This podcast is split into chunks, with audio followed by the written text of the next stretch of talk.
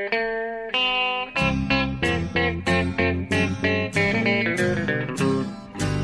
out there, we're on the air. It's hockey night tonight.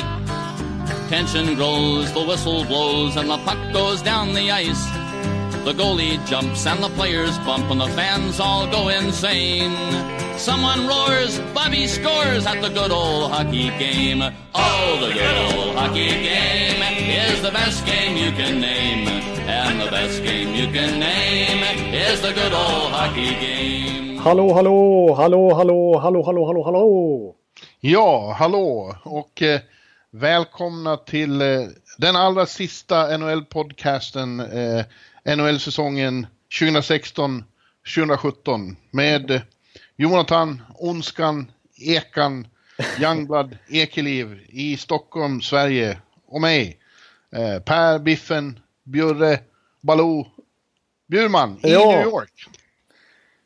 Ja, Precis. för nu har vi kommit till eh, slutpunkten. Det är sammantaget eh, avsnitt nummer 159, men eh, nu ska vi ta och sätta punkt för ja, det som faktiskt har varit den längsta säsongen någonsin tror jag. Eh, den började ju faktiskt för tio månader sedan i september. Och det var då vi började göra podcast också, för vi hade ju World Cup i Ja, precis. Det, det är som du säger, det känns som att det var hur länge sedan som helst, alltså World Cup.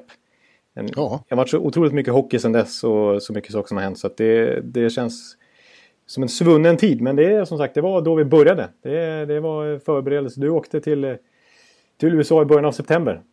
Ja, först åkte jag till Göteborg och till Helsingfors och var med på försäsong, eller för lägret inför World Cup.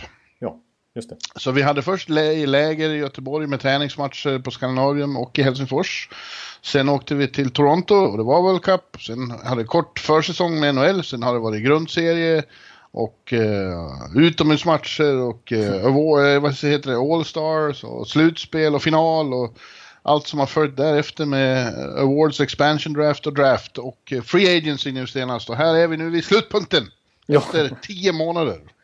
Ja, det var väl sammanfattat. Det, ja, jag håller med. Det är kanske en, under min livstid den mest eh, ja, den längsta säsongen. Både rent på riktigt och känslomässigt. Alltså. Det har varit så otroligt intensivt och det har liksom det har inte varit någon pauser efter själva hockeysäsongen till slut heller. För det har varit otroligt intensiva veckor sedan dess också. Ja. Ja, nej, jag tror att det, det är inte bara din eh, känsla som är, det har aldrig varit en så lång säsong. Eh, eftersom de nu mer drar ut den här med, med drafter och free agency och det blir nästan ingen off-season längre. Nej, precis. Du, apropå, jag, jag drog några av dina smeknamn där, jag hörde ett till här alldeles nyss. Jaså? På, på dig, jo. Jag satt i telefon med min gamla mamma i Borlänge eh, och eh, sa att jag var tvungen att lägga på för nu ska jag spela in eh, ett nytt podcastavsnitt och då sa hon Jag har med han, vad är det du kallar honom? Bamse? Bams! Nej, inte mamma, inte Bamse, men eh, det blev ju omedelbart Jonathan Bamse Ekeliv, Ja. nytt namn. också. Ja, den, den, var- den var bra faktiskt. Alltså, jag, har, jag har svårt att identifiera mig med figuren, den riktiga Bamse, det måste jag säga. Men, men eh, det, det, det ser jag som en komplimang faktiskt. Det, det var bättre än Ondskan. Ja, ja, Bamse, men det, ja, du är en riktig Bamse, en Bamsing. Ja, eh, kanske inte fysiskt, men... eh, Jag vet inte. Ja, inga fick vi det sagt i alla fall. Ingen dunderhonung. Men du, eh, ja, vi ska ju sammanfatta kanske inte hela säsongen. Det håller jag på med i, i bloggen. Jag, jag har gått igenom hela året, hela säsongens blogg och, och håller på med ett avslutande inlägg. Och det var ju eh, eh, intressant och mycket man har glömt som har hänt. Det var verkligen en intensiv säsong.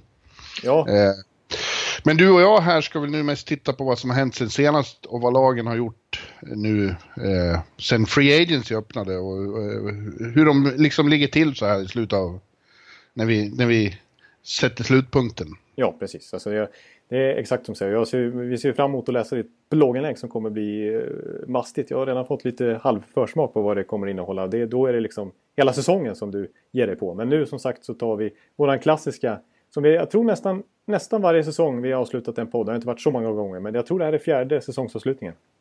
Ja, Eh, Och nästan varje gång, tror jag, om det inte varje gång, så har vi kört kronologiskt. Varenda lag har vi tittat lite grann på.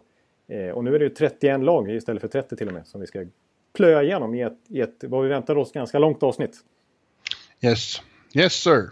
Ja, så att, eh, du, du är bättre på övergångar och hålla, hålla i tråden på det viset. Så jag låter dig nästan hitta den första bokstaven här. Ja, vi kör som sagt i bokstavsordning och eh, då hamnar man alltid i södra Kalifornien, i Orange County utanför Los Angeles, där Anaheim Ducks håller till. Ja, precis. Och eh, ja, eh, de hade väl en... Eh, ah, vi ska inte gå igenom exakt vad, hur säsongen var men, för alla, men, men det började ganska knackigt för dem. Eh, och eh, vi var några stycken som tyckte att vi fick bekräftelse på att eh, eh ny, nygamle coachen Carlisle inte passade. Eh, det var ett felaktigt val, men de eh, och han eh, kammade ju till sig och fick till slut till en riktigt bra säsong.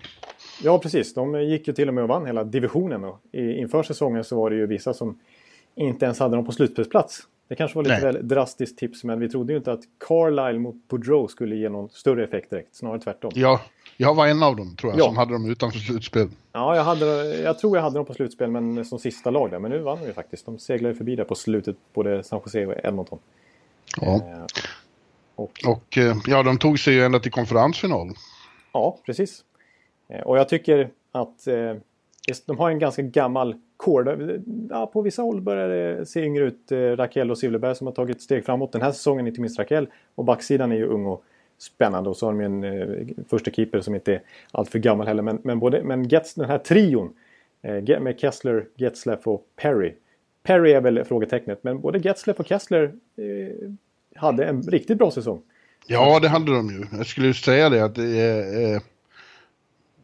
Eh, Getzlav kändes det som han varit några år yngre den här säsongen. Ja. Och, och, och Kessler, men det är som du säger, Perry hade ju eh, tacklade av lite. Och, eh, kom av sig framförallt med målproduktionen och var, vart ju...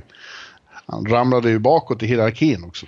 Precis, det var nödvändigtvis inte så att han och Getzlaff håller ihop längre. Liksom, och, och, att eh, Perry är den gamla 50-målsskytten som han har varit för några år sedan.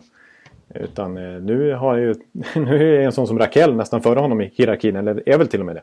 Kanske Silverberg ja. också. Eh, men ja, de har inte... Ja, alla, alla de tre svenskarna i laget hade ju bra säsonger. Det började ju jobbigt för med kontraktstrubbel för både Lindholm och Raquel och Raquel dessutom skadad efter World Cup-lägret. Men de kom ju tillbaka och gjorde...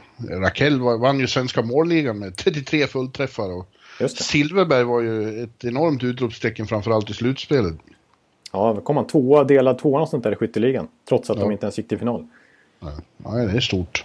Eh, och Lindholm är ju stabil. Han är ju, han, han är ju, nu börjar gå många år så man börjar tro att han kanske inte blir den här offensivt skickliga backen som öser in 50 poäng per säsong. Men däremot så har han ju possession-siffror av absolut elitklass. Alltså när det kommer till att driva spelet och inte släppa till farligheter bakåt. Så det, det, är ju det är en riktigt, riktigt bra back. Mm. Ja, och nu är... Eh, här efter säsongen då så har det väl... Eh, de har ändå navigerat igenom den här expansion draften och eh, free agency med ganska stor skicklighet. Det var ju mycket snack om att de skulle tvingas ge upp mer än de ville, men det, det har de ju klarat av rätt bra. Ja, det får man säga. De klarade att hålla, hålla Vatanen och Manson intakta som de annars hade tappat gratis. Nu fick de visserligen släppa Shay Theodore som är en spännande back, men inte lika såklart att han kan... Eller, de skulle ju vara tvungna att släppa något med, ja, med, med det upplägg de hade. Så det får ändå anses helt okej. Okay. Jämförelsevis som man trodde att de skulle behöva ge upp. Precis, och de blev av med Clayton Stoners kontrakt också mm. i, i samma inbakat i den här Shea Theodore-dealen. Så jag tycker det var bra gjort av ja. Bob Murray. Ja. Och eh, annars är det ju typ samma lag som är kvar. Det är ju Ryan Miller som var deras stora, eller stora och stora, men värvningen de gjorde första juli härom, häromdagen. Ja, men den känns ju helt okej okay ändå. Ja. Miller är ju på nedgång men känns som en väldigt eh, stabil och eh, bra backup åt Gibson som jag fortfarande inte är 100% Ekeliv-fan av. Nej. Nej, jag är, inte, jag är inte lika mycket 100% Ekeliv-fan av honom som jag har varit en gång i tiden. Men Nej. Det är en, det är en, det är en okej okay första målvakt och Miller är en bra backup. Det är ingen bra första alltså starter Miller längre men det är en väldigt bra backup i ett oh. par år. Ja. Och han jublar. Han jublar ju tillsammans med sin fru över att få komma till Los Angeles. Hon är ju skådespelare i Hollywood. Ja, det, det ja jag med, förstår. Hon var till och med ute själv på Twitter och, och, och beskrev hur glad hon var över att det blev just Anaheim. Liksom. Ja. Men det är i princip samma lag som du säger som de kommer till, till start med nästa år. Och om Getzlav kan upprätthålla samma klass, och det borde han väl kunna något år till, så, så känns de ju intressanta. De har ju liksom en bra mix av ungt och gammalt och eh, som du säger väldigt intressant på backsidan. Eh, Ken Fowler fick en saftig kontraktsförlängning här. Ja, de passade, slog till första... Han skulle blivit... Eh, hans kontrakt gick ut nästa år. Men då så han första dagen igår, första juli, att, att förlänga det kontraktet. Och då slog de till åtta års kontrakt med 6,5 miljoner. Så det var, det var inte eh, snålt tilltaget utan de eh, passade på direkt att, att binda upp honom ordentligt. Ja. Jag, jag, tycker det känns helt okej. Det är åtta års kontrakt, det är ju saftigt. Men det är en, fortfarande en ung spelare, en 90-talistback som, eh, som väl är kanske ihop med Lindholm given i deras core. Och ja. högerskytt dessutom. Och, eh, ja, det, det är 6,5 miljoner tycker inte jag kommer bli något problem. För, en som åtta år så att jag, jag köper det rakt av. Ja, de, får, de kommer att vara att räkna med även eh, nästa säsong känns det som, absolut, eller hur? Absolut, och jag ska lägga till en sista sak att vi får se om en, en kille som heter Sam Steele kan ta en plats redan nästa år. Han, I så fall kan han vara en riktig stil. Nu vill jag vara lite... Oh, oh där kom den! Nej, men, Bamse eh, slår till direkt. Bamse bara... Oh, oh. Nej men, men, eh, nej, men han vann ju, det, de draftade han som sista val i första rundan förra året. Eh, och eh, fick en monströs utveckling i år. Eh, han vann hela VHLs poängliga och verkar vara eh, mycket spännande prospect. Så att eh, det är möjligt att han tar plats i Hanheim direkt här. Och det är en spännande ung forward på gång ytterligare här i, i deras uppsättning. Ja. Men nu, nu, nu vänder vi våran Cadillac styr upp den på tian och kör mot eh, Phoenix. Ja, nu, du ser, det, är, det är som klasskillnad när du tar över de här övergångarna direkt. Så jag skulle bara sagt Nu tar vi Arizona då, okej. Okay.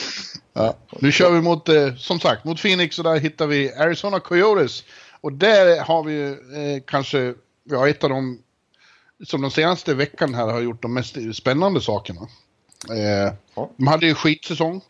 Total skitsäsong får man säga. Det, ingenting fungerade framförallt för att det, ett långt Copper, eh, unga talanger, hade, eh, som vi på klassiskt vis säger i den här eh, podcasten, sophomore slumps. Ja, precis. Men, men eh, det har ju skett en, en väldigt spännande eh, uppgradering av laget här nu senaste veckan, eller hur? Och, och detta egendomligt nog mitt under vad som beskrivs som en ny ekonomisk kris där ute, att det är skit med pengar igen, men eh, lika fullt. Eh, här händer det grejer.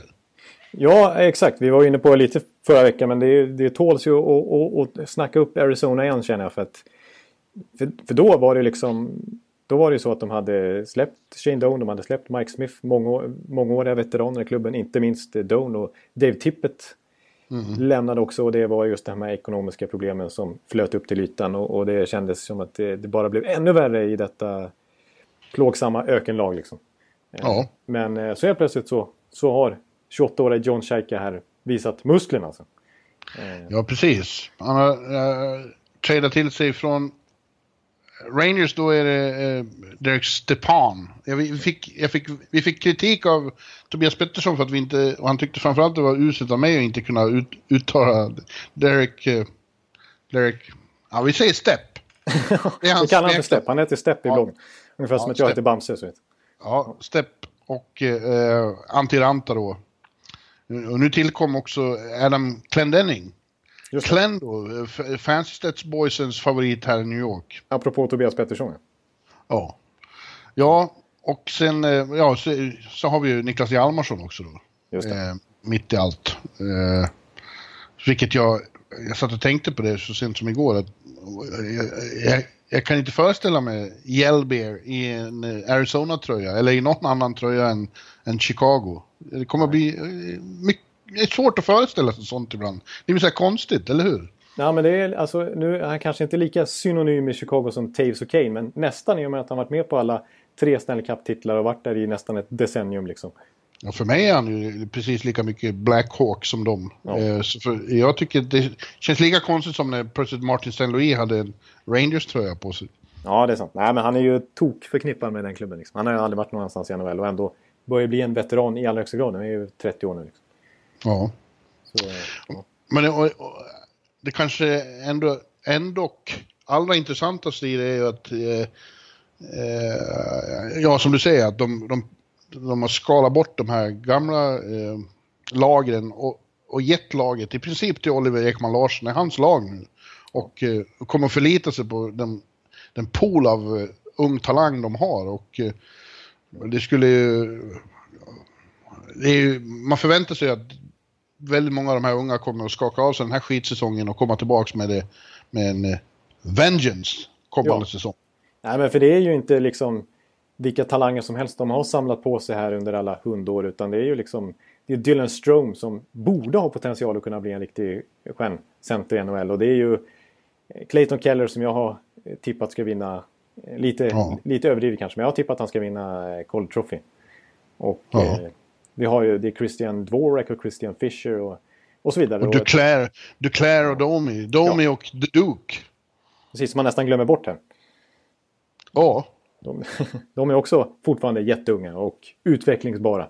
Och en, åtminstone Domi har ju redan slagit igenom på allvar. Duke hade ju en riktig sophomore slump men där finns det ju en väldigt skicklig spelare i honom innerst inne också. Ja. Så att, eh... Ja, det ser ju klart eh, intressant ut. Eh, jag tror att de kommer att bli a force to reckon with i Pacific kommande säsong. Som det ser ut nu i alla fall. Vi ska ja, det... inte gå så långt. Vi är inte klara med free agency och så, så man ska inte börja tippa redan. Men... Nej. Ja, det, ro det, roliga är ju att, att, eller roliga men det är just på grund av att de har så otroligt ungt lag och några få äldre spelare som Hjalmarsson och Ekman Larsson och, och Stepanov och så vidare. Att de har fortfarande 25 miljoner kvar till lönetaket. Ja, så det är ett ja. av de billigaste lagen i hela NHL men ändå så vasst alltså. Och så spännande. Ja men det är ju tyvärr så då att det är lite skakigt ekonomiskt igen. Ja, finansiellt. Det är alltid ett problem där ute. Det blir aldrig någon riktig stabilitet på den punkten. Nej, och arenan ligger ju fel till för de flesta av fansen. Det är sitta i bilkö bort till andra sidan stan för att de ska ta sig dit. Så det är ju, även om det finns några fans i den där staden trots allt så har de svårt att ta sig till arenan för att fylla den kväll efter kväll. Det är svårt att driva in pengar för en sån klubb. Ja. Eh, men eh, ja, jag vill du, har, du har inte varit där, eller hur? Nej, jag vill gärna åka dit för det verkar... Alltså... Ja, du, du ska ju det nästa säsong. Ja. Nere på vår då episka roadtrip. Kommer Precis. hamna där. Ja. Det, det ser jag fram emot. Eh, men eh, det ska bli intressant att se vem... Det känns som att de kommer ta in en sån här Ekeliv-aktig coach här. Ja, det är ju det. De har ingen ny coach än. Ett namn som har nämnts är ju en gammal Ekeliv-favorit som Dallas Eakin. Ja. Uh, ja. Han gjorde ju ingen succé i Edmonton, men det var det ingen annan som gjorde heller innan Conor McDavid kom dit. Så, kanske inte säger så mycket, men det, det var något i hans personlighet som rubbed me the wrong way. Ja, jag kanske överskattar honom lite grann också för han är, han är ju en typisk sån här AHL-hypad tränare som kom upp där och eh, när han väl stod i rampljuset så det, fick han inte så många fans faktiskt. Inte minst i Edmonton. Men det hade, jag, menar, jag, tycker inte, jag tycker ändå att han kan förtjäna en chans till. Och, och, så är det ju Tom... och inte, inte i journalistleden heller eftersom han är sånt health freak och fick för sig att han skulle hjälpa journalisterna och leva hälsosammare så han tog bort alla godsaker ur pressrummet i Edmonton. Ja, då, då är man ju och satte dit sallad och grejer istället. Ja, det går Päron. ja, då, då är det bara vara kvar nere i San Diego i AHL. Då, då tappar han det. Ja, då räknar vi bort honom. Men eh, de, det är några andra sådana här nya AHL-namn. Som, alltså Todd Nelson är en annan gammal Edmonton-tränare som ju har nu varit nere i AHL och gjort det väldigt bra med Grand Rapids som ju vann hela Calder Cup som det heter. Eh, mm. Han, han, är ju ett namn som som spekuleras i. Och även Sheldon Keefe som ju är ett hypat namn i Torontos farmarlag. Så det ser ut som att det blir någon, de plockar någon AHL-tränare helt enkelt som är lite yngre och som är lite spännande och som förväntas eh, klara av att ta steget upp i NHL. Liksom. Ja, det finns ju inte många lediga som känns eh, etablerade coach, NHL-coacher som är lediga som känns särskilt heta. Nej. Nej, jag kommer knappt på någon. De, de, som har, de som har fått sparken som är heta, de har ju fått jobb direkt liksom eh, galant. Och Julien han ju inte vara sparkad mer än ett dygn. Eh, och... Eh, Till och med Hitchcock. Ja, ja. Det skulle vara den Bilesma då, men det känns som hans aktier har, har sjunkit i värde ganska ordentligt ja. efter åren i Buffalo. Precis, och med tanke på vad Mike Sullivan gjorde med hans gamla Pittsburgh också. Så. Ja, så, ja precis. Så han är liksom, nej, det har, hans aktier är inte starka och med tanke på hur spelarna det, verkar, det har läckt ut speluppgifter hur han var mot spelarna så, här, så verkar han inte verkar inte vara klockrent liksom. Nej. Så att, eh, nej, men det blir intressant att se. Det, det kan nog bli klart relativt snart. Borde bli det. Ja. Ja, let's cross the continent. En lång resa från eh, Arizona till Massachusetts, högst upp i nordöst. Ja. Eh, där vi har Boston Bruins. Just det. Och Boston Bruins har verkligen inte varit aktiva här under eh, efter, efter säsongsslutet. Det är i princip samma lag igen som, eh, Ja. som det som blev utslaget av åtta i första, åtta var i första slutspelsomgången. Eh, de tog in Paul Postma häromdagen. Ja, en riktig affisch, affischnamn. Ja, verkligen. Men i övrigt är det ingenting. Nej, precis. Och det, ja, ja, för en gångs skull så... Alltså, Ja, det låter väl, det är väl ganska okej, eller hur? Ja, jag tycker det är helt okej. Alltså Don Sweeney har ju under sina första år gått all in, eller all in ska jag inte säga, men han har, han har verkligen eh, gjort grejer de första åren i alla fall. Dels eh, när han tradade bort Lucic och han tradade bort Doggy Hamilton som var ifrågasatt då. Eh, och han eh, signade David Backes på ett långtidskontrakt förra året. Eh, som kanske inte ser jättebra ut. Och Don, eh, Matt Beleski var ju ingen succévärvning heller. Eh, Så att eh, det känns som att han har lugnat ner sig lite grann nu. Och då, 2015 när han kom in, så pratade han lite grann om en rebuild on the fly. Ja. Eh, Och jag, jag tycker ändå att, att jag tror lite grann på den. För att det börjar... Kom, det, det är ändå ett antal unga spelare som börjar se spännande ut i Boston nu. Vi har ju David Pasternak som slog igenom ett dunderbrak i år. Alltså Ja. 70 poäng liksom. Charlie McAvoy. Charlie McAvoy. Ja. Brandon Carlo. Forsbacka Karlsson. De har ju en, eh, en uppsättning intressanta unga spelare, helt klart. Eh, Och det känns som signifikativt att, att han satt stilla i båten var liksom signifikativt för hela, hela den här starten av Free Agency. Det var ju eh, det var ju liksom återkomsten av sanity bland general managers. Det var nästan ingen som gjorde något eh, galet. Nej, precis. Förra året var det ju väldigt många exempel på det. Men det är som du säger, som i år var, ju, var det många som... Alltså det, man kan inte komma på så... Några dåliga kontrakt kommer vi hitta när vi, i vår genomgång här, men inte så många. Liksom. Nej, jämförelsevis så var det väldigt eh, förnuftigt och sansat. Liksom. Ja, precis. Och jag, I Bostons fall så tycker jag att de ändå ser rätt spännande ut. Jag såg ju deras farmarlag en hel del eh, i och med att de mötte mitt Syracuse, Tampas farmarlag, i semifinal i AHL. Och då fick jag se några av de här andra killarna, Jake DeBrusco, Danton Heinen och så vidare, som också är unga och kanske kan eh, faktiskt få chansen i Boston från start när det börjar här. Och jag tycker, ja, jag tycker att det ser rätt bra ut för Boston. Så jag tror att de kan ta ett, snarare ett steg framåt i år än, än bakåt, trots att de inte gör så mycket. Nej, kanske. Eller kanske just därför. Eh, och det blir intressant med McAvoy. Han var ju en, en, en attraktion när han dök upp och, och debuterade i slutspelet. Det ska bli helt spännande att följa honom i en hel grundserie. Exakt. Ja, nej, precis. Det, det ser- jag också. Han var ju väldigt hypad. Så det, han hade ju svårt att leva upp till de förväntningarna direkt. Men han gjorde ju nästan det och när- närmast överträffa dem i vissa matcher i alla fall. Alltså, Ja. det var ju, han, han höll ju vad som lovades i alla fall. Så det är ju, en, det är ju otvivelaktigt en bra, riktigt bra back. Ja. Deras grannlag en bit västerut, de heter Buffalo Sabres. Eh, och där uh, händer det ju däremot en del grejer. Ja, Inte säga. helt oväntat efter en säsong som inte alls blev eh, det steg framåt som många, inklusive jag, hade trott. Eh, och besvikelsen hos ledande spelare efteråt var ju väldigt uppenbar. Och var ju väl den som ledde till att Bilesman fick tacka för sig och åka hem. Precis, till och med Tim Murray, general manager, fick inte heller vara kvar. Liksom. Nej. Och det var ju, Jack Eichel höll en presskonferens som eh, klassisk i, i, att visa en ung ledare som sätter ner foten och säger att så här kan det inte fortsätta. Nej, det var ju roligt. eh, Bara, det, det, det har hänt flera gånger att eh, folk har hunnit gå in på Wikipedia och ändra saker. Men i det fallet så gick ju någon in och, på den engelska Buffalo Sabres-sidan och, och sa eh, Chairman Jack Eichel, Coach Jack Eichel, General Manager Jack Eichel. Typ så här. Satte Ja. han på alla poster här som att det, det är han som styr klubben. Eller Ja. så är det väl kanske inte riktigt. Men han är ju den viktigaste pusselbiten där i alla fall. Och han var inte nöjd. Nej. Nej, men och nu får de då eh, din favorit eh, Phil Housley som Ja. coach. Ja. Jag Din hyllar. god, ja, det förstår jag. Det förstår jag. Och de har gjort en del eh, moves här också. Bland annat fick de ju in eh, Pominville och Scandella från eh, Minnesota.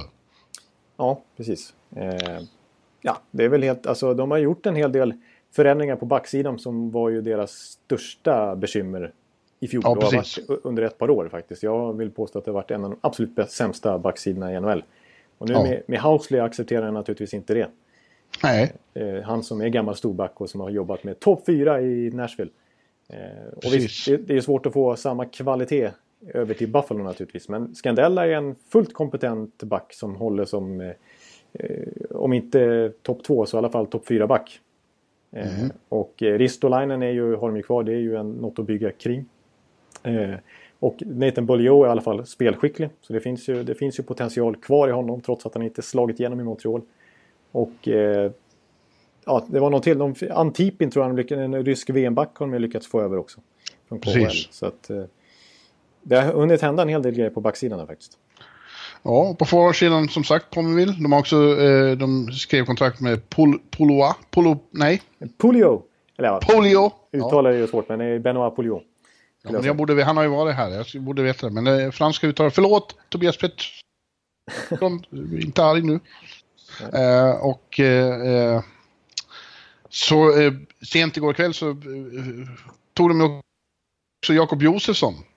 Just det. Som efter sju, åtta år i New Jersey äntligen får det miljöombyte man, tyck, man har önskat honom i flera år nu eftersom det inte riktigt har liksom blivit så bra i, i, i Newark. Uh, och kul att få se honom i ett nytt lag tycker jag. Han, han är ju en speciell spelare, han är ju väldigt bra i, i rollen som uh, ja, fjärde center typ. Ja, exakt. Alltså det, och det borde finnas mer offensiv, offensiv potential känner man också. För det var ju så många andra svenska spelare som kommer över så är de ju skickliga offensivt i Sverige. Och det, samma sak var ju med Josefsson liksom. Eh, och draftades ju i första rundan av Devils en gång i tiden.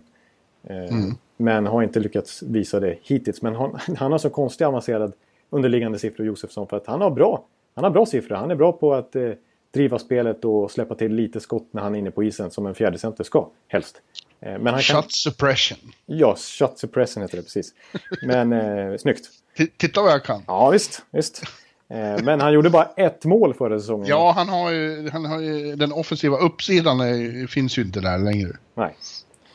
Så att, eh, men det, det, det är som du säger, det ska bli kul att se. Alltså, han fick ändå chansen i 7-8 år i Devils av en anledning. De hade kunnat kapa honom för länge sedan. Men de, det, man har hela tiden Ja, gillat hans spel och hans, han, han håller i NHL-klass. Liksom. Men det, det blir intressant att se honom i en ny miljö med en ny, en ny start. Liksom, för det är vad han behöver tror jag. han är intelligent.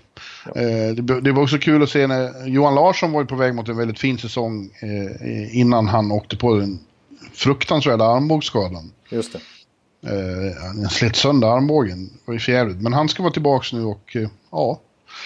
Vi får se vad som händer med Evander Kane eh, till slut. Det har ju länge pratats om att de vill bli av med honom. Men än har de inte blivit det. Vi får se vad som händer med det.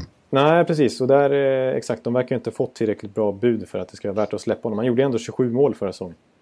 Ja. Eh, Och eh, det, det är en liten ny kula här kanske med både Jason Botterill som general manager och, eh, och Housley. Så de kanske är beredda att ge honom en chans till trots allt. Ja, ja jag tycker de, det känns ändå... De är på väg åt rätt håll. Ändå. Ja. Ja, alltså jag är inte orolig för målvaktssidan där med, med Lener, eh, Chad Johnson och eh, Ullmark. Ja, Chad Johnson kommer tillbaka. Han hade ju en succésession där för, för något år sedan. Ja, det känns ju som en bra backup. Liksom. Helt Ja. okej. Eh, och forwardsidan... Han är en klassisk. Snacka om... eh, Han, han kan vara NHLs mest ultimata journeyman just nu, eh, Chad Johnson. Ja, han har varit, han har varit väl i Rangers också. Steiner. Han var det fan med överallt tror jag. Ja, och gör det liksom rätt bra överallt men han är ju... Jag ska kolla här. Vi ska se. Om jag så inte hittar på. Ja, han har varit i Rangers, han har varit i Phoenix, han har varit i Boston, han har varit i Islanders, han har varit i Buffalo, han har varit i Calgary. Ja, Ja, det är en bra jobbat ändå. ja på några få år. Han, bör, han debuterade 09-10, så, så det, är, det är en del. Han snittar nästan en klubb per år alltså. På gränsen alltså. Ja, Och nej, aldrig varit så här kass heller utan han är liksom men han, är, han, stabil. inte bara, han gjorde två säsonger i Rangers, sen har han bytt varje år. Ja, shit, det är sjukt alltså. Ja. Ja, ja. ja men det, Ja. det känns stabilt. Lener eh, visade ju positiva tecken förra året när han fick vara skadefri. Och, och eh, kom Ja. upp i en 92 procent eller sånt där, vilket ju är bra. Nu tar vi oss norr om gränsen och störtar västerut igen. Hamnar i Alberta där vi har Calgary Flames. Ja. Eh, som eh, också sannerligen känns som ett lag som är på väg åt rätt håll. Ja, exakt. Där har det agerats också. För där känns det som att Trelleving, eller hur nu man ska uttala General Mansions. det, det är inget lätt ut- efternamn vill jag påstå. Det är mycket... Nej, jag, jag, det är stökigt försöka. Ina hamnar någonstans i det efternamnet. Eh, Trelleving säger jag i alla fall. Eh, har velat rusta ikapp lite när han har märkt att eh, oj, eh, Edmonton, våran delstatsrival, är ju, är ju riktigt bra liksom. Eh, och, och, Mm. och San Jose och Dax och så vidare. Och så Arizona nu dessutom. Och så ett nytt lag i Vegas som kommer där. Så att han, eh, och han har ju en, det är ju ett, en ganska ung core. Mm. Eh, som, eh, som det är värt att bygga kring här. Det största han har gjort är väl, alltså på forwardsidan har det inte hänt så mycket. Nej, Eh, Och det är väl kanske inte så konstigt för att där är det ju mycket unga spelare som är liksom, där ser det ganska hyfsat välbesatt ut i alla fall. Men på backsidan har det, är det ju fem eh, riktigt bra backar som de ger mycket pengar till nu också. ja. De fick in eh, Travis Hamonic från Islanders.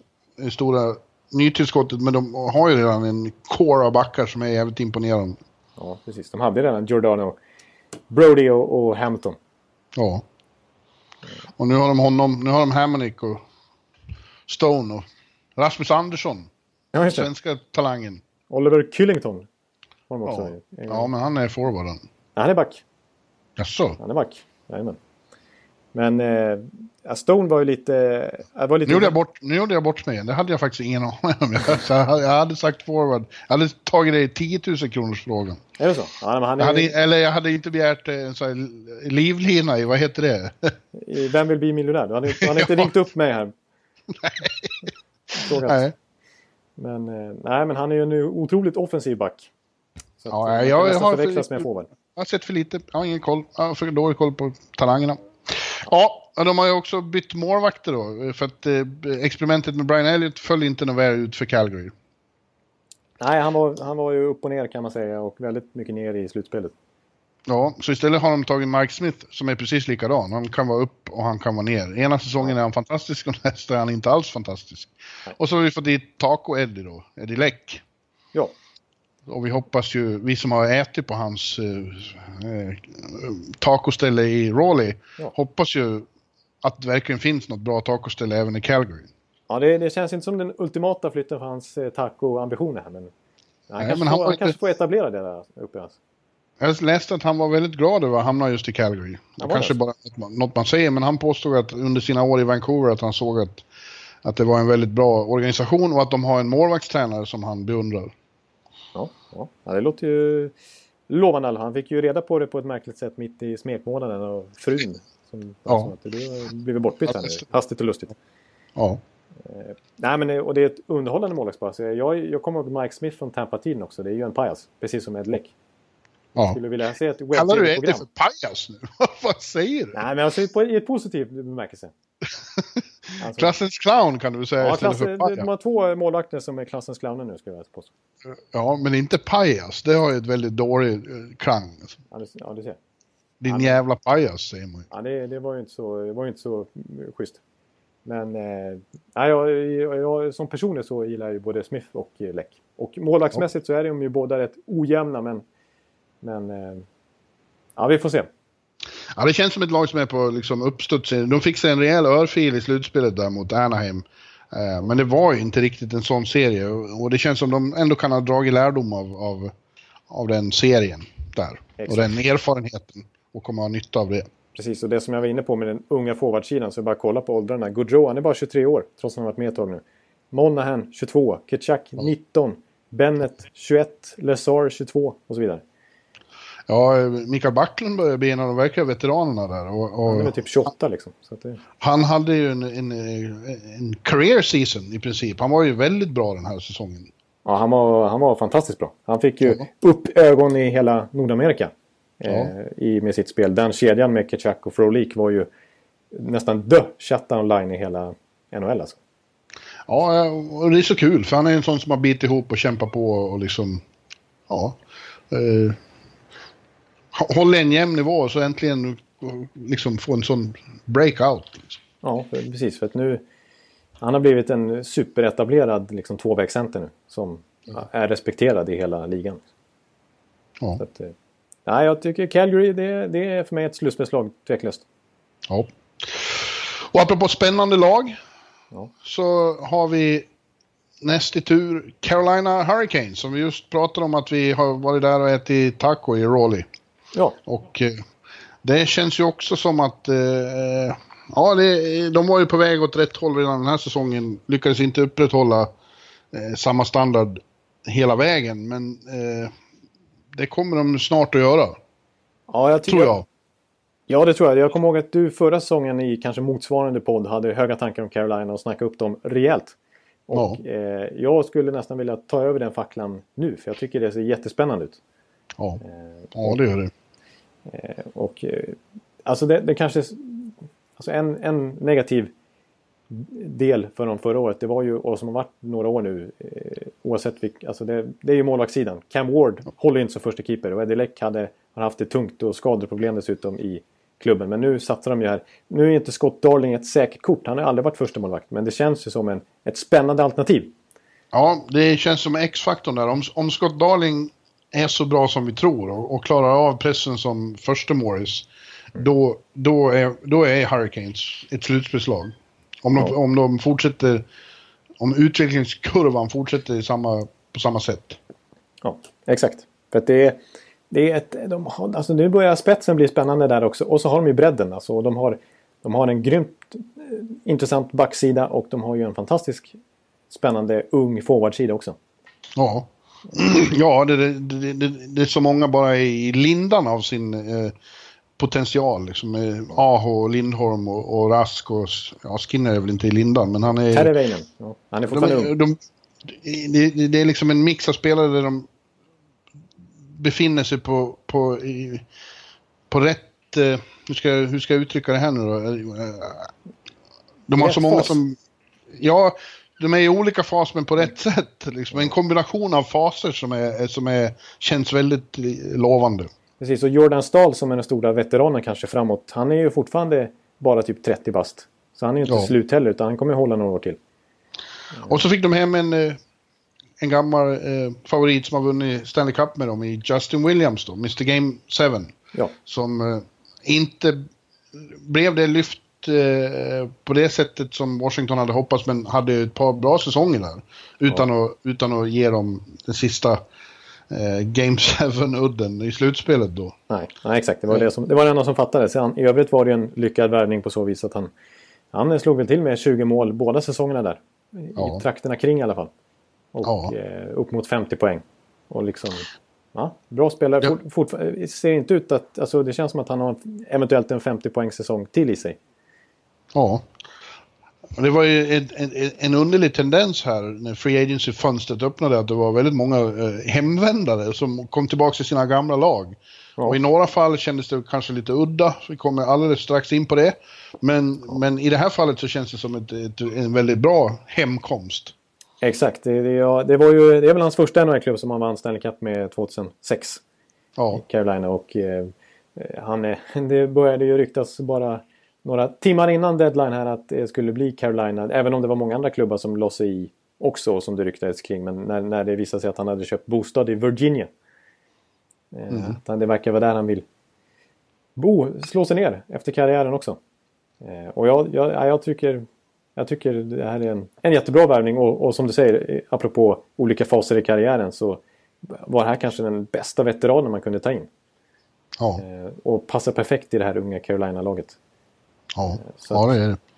Och eh, ja, som du säger, backsidan är ju också väldigt spännande. Där fick de in Trevor Van Riemsdyk nu också. Ja, exakt. Det är ändå en... en eh, alltså han kanske har varit lite överhypad på grund av sitt efternamn eventuellt. Men det är ju ändå en hyfsad back. Och, jag menar i övrigt har de ju jättebra unga backar. Eh, Justin Falk och eh, Jacob Slavin inte minst. Och Brett Pesci och allt vad de heter. Och No- Noah Hannifin naturligtvis. Som, vi, Ja, Noah Hannifin ja. eh, som ju har potential att bli en riktigt stor back. Alltså. Så Ja. eh, Ja, det är dags att återvända till slutspelet för Carolina. ja det, Det, det enda tuffa för dem är att de spelar i en så fruktansvärt tuff eh, division. Metropolitan är ju galen. ja, ja, det är inte många lag som, eh, som man räknar bort i den divisionen. Nej, det är det verkligen inte. Det känns som att många, nästan alla, liksom har gjort rätt bra ifrån sig här i, i sommar också. Liksom. Ja, ja, absolut.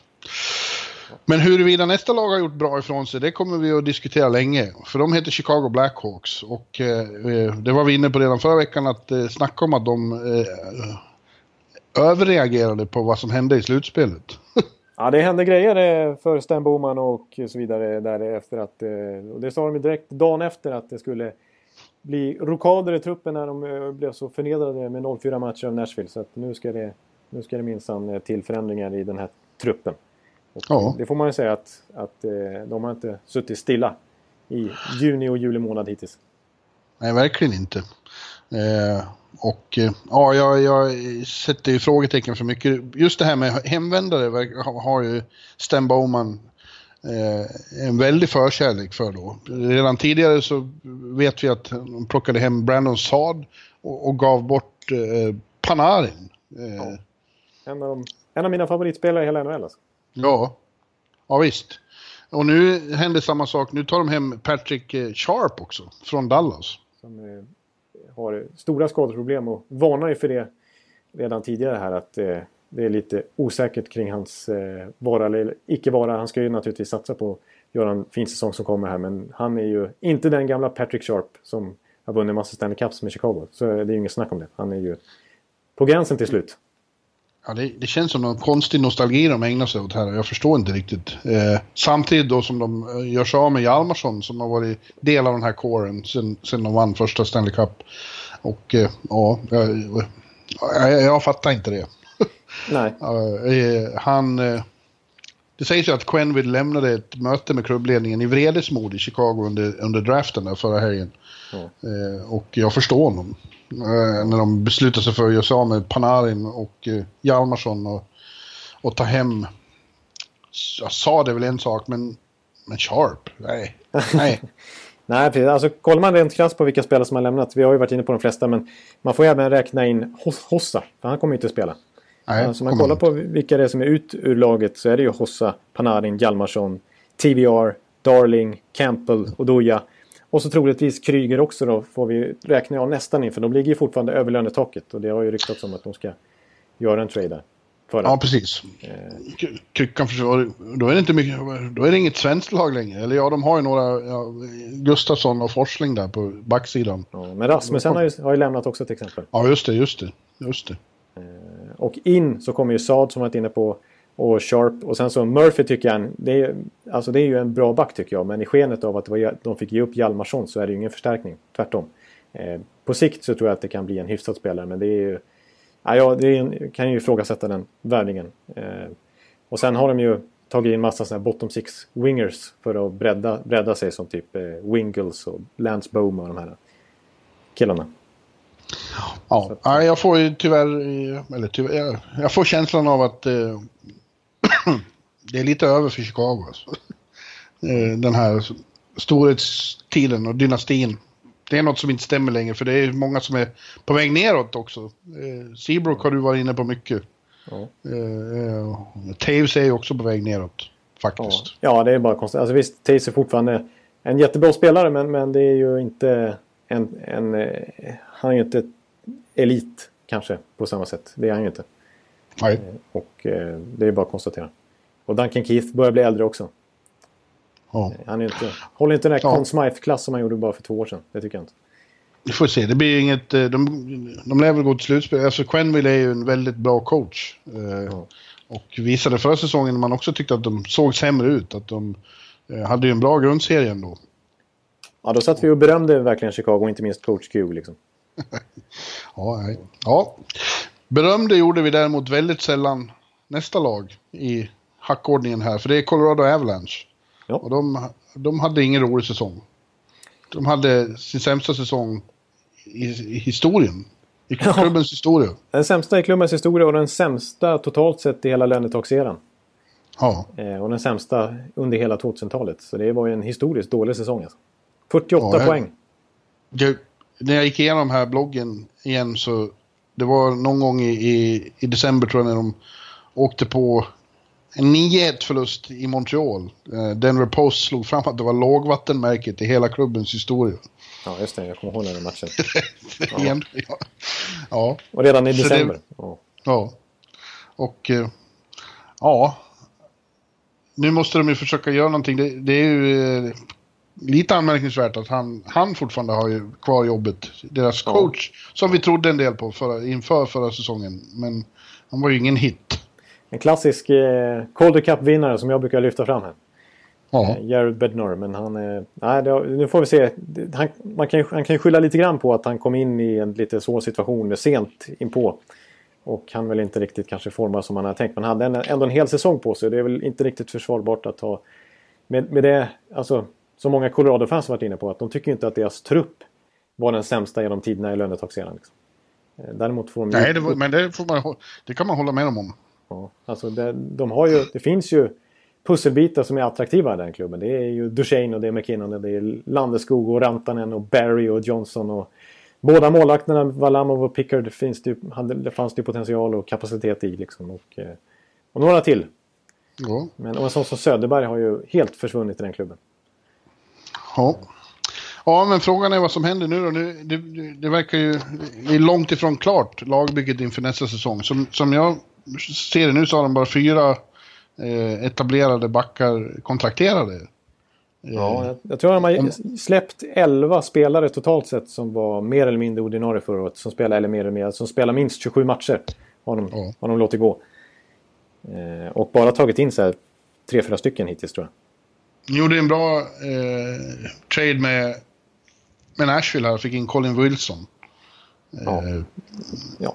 Helt, I lördags. Ja, ja helt okej. Okay. Helt okej okay spelare som kanske behövde ett miljöombyte han också. Alltså det är ju en, en spelare som är god för 20 kassar. Skulle jag kunna tänka mig. Ja. Sen, är ju, sen sägs det ju då att, eh, eller på vissa håll sägs det, att eh, det förbereds en trade av Duchene då. Att det, eh, när Nashville tog in Emmeline så var det för att täcka upp eh, för att de kommer att skicka antingen Ryan Ellis eller Mattias Ekholm till Colorado i utbyte mot Matt Duchene. Mm. Det låter väldigt fantasifullt. ja, och det har vi inte varit helt konkret heller att det verkligen kommer bli så. Men det är klart att spekulationerna kommer igång. Ja, men jag, det, det, jag förstår inte varför Nashville skulle göra Varför skulle de bryta upp sin Big Four? Det, det vore otroligt dumt. Precis, och ta in en till center när de signade Nick Bonino på ett ganska halvsaftigt kontrakt här. Ja, nu har de Ryan Johansson och Nick Bonino. Det är inte många som har så bra försprång. Och kanske Fischer då till och med. Ja, precis. Som... Och, och så, som många Nashville-fans är inne på att det är ju top four som är Nashville. Det var det som tog dem till final. Det är, ja. den, det är deras absolut, absoluta selling point. Deras USP om man ska säga så. Som, eh, som, som gör dem till en contender liksom. Ja. Ja för helvete. De, de, det var ju några... De, Fredrik Gaudreau och Kalle Järnkrok, när de tvingades ta ansvar, eh, större ansvar här i finalen, så eh, visar ju de att det, det, det finns mycket potential. Det, det, känns som en väldigt... Poile skulle aldrig göra det. Nej, nej, precis. Han har ju till och med sagt själv att jag rör inte min topp fyra. Liksom. Nej, nej. Att, bra. Eh, nej, precis. Men Colorado, ja, det har ryktats lite grann om faktiskt om Columbus där också. Om inte Columbus skulle få Kowalczyk kanske de går in på Duchene. Eh, och det har varit ett svagt rykte som låter sensationellt med Pittsburgh att de ska lyckas klämma in honom under löntaket. Men det, det, det, känns som att eh, Sakic, och det, det, tycker jag visserligen är bra, att Sakic har inte velat släppa Duchene billigt här utan han har gjort några flop-trader genom åren. Inte minst var väl inte O'Reilly-traden någon stor succé. Eh, så han, ska han väl släppa Duchene så måste han ju få något, eh, något som är värt att göra det mot. Eh, ja. Annars är det ingen idé att släppa honom. Däremot så känns det lite konstigt nu när han uttalat är på marknaden, Duchene. Liksom det känns nästan som en ohållbar situation att han ska komma in och rebounda och göra en jättebra säsong i Colorado nästa år. När han vet att han är på marknaden. Liksom. Ja. ja, jag vet inte. Det känns som det är lite mörka moln i Klippiga bergen fortfarande. Ja, Ja, det tycker jag. Jag tycker, apropå om Benner ska få sitta kvar så är ju Sakic borde hänga superlöst också med tanke på att han ändå är arkitekten bakom Eh, det här historiskt dåliga laget. Och han har fått köpa ut Boscheman här som var en fiaskovärvning. Och Söderberg var ju ingen, har ju inget superkontrakt och inte Colborn eller Como heller till exempel. Och jag nämnde O'Reilly-traden och de släppte en så spännande målvakt som Picard gratis till Vegas och, och så vidare. Så jag tycker inte Sakic förtjänar förtroende längre. Det är just att, att det är självaste Joe Sakic, så han sitter väl hur säkert som helst ändå. Ja. Ja, tills vidare. Men det kan, det kan inte bli så här en gång till. Det går inte. Nej, det får inte. Det får ju bara inte hända. Nej. Nej, ja. Men du nämnde Columbus. Och det är de vi hamnar hos nu. I Ohio. Ja. Central Ohio. Och eh, de eh, överträffade ju alla förväntningar. eh, I synnerhet om man ser till vad, vad, vad herr, herr Baloo sa Ja, det. säsongen. Han sammanfattade deras chanser med det går åt helvete. Och så gjorde de Punkt. sin bästa säsong någonsin och deras coach som jag hade dömt ut helt vann Jack Adams. Morsning, korsning. Där fick du. Eh, Jag också. ja, där jag fick ungefär jag. samma sak. Ja. De hade 16 raka segrar ett tag och höll på att slå alla tiders rekord med den sviten. Ja, just det. Exakt. Och eh, ja, de har ju fortfarande ett väldigt intressant lag. Och inte har det blivit mindre intressant av att de fick in din favoritspelare Panarin här nu. Ja, det känns ju eh, otroligt spännande. Alltså, man bara... Man eh, vattnar sig i munnen nästan när man eh, tänk, kan tänka sig vad deras offensiv ska kunna prestera med Panarin, Wennberg, Atkinson och så vidare. Ja. Ja, Eh, och så Werenski liksom, som är en av, redan nu vill jag påstå en av ligans bättre powerplaybackar. Liksom. Och så Seth Jones dessutom. Ja. Ja, ja, det, det är... Man bara... Man nickar lite när man ser det här laget och vad som har hänt och vad de, vad de gör. Så kanske då Kowalczyk också. Exakt, det, det, och han, det påstås i alla fall att Kowalczyk är själv lite intresserad av Columbus. Det är inte bara ensidigt intresse utan det kan hända. Liksom. Och John Nej. Davidson har ju varit ute, ägaren, och sagt att visst, vi är, vi är i kontakt med Kowalczyk. Han är inte ägare, han är president. president heter det. Ja. Eh, ja, världen är upp och ner när, när John Tortorella vill ha eh, Kowalczyk. Och Kowalczyk vill spela för Tortorella. Ja, då har det hänt grejer alltså. Ja, ja då har det hänt grejer. Sannerligen. Ja, nej, det, det finns inte mycket mer att säga än att eh, wow.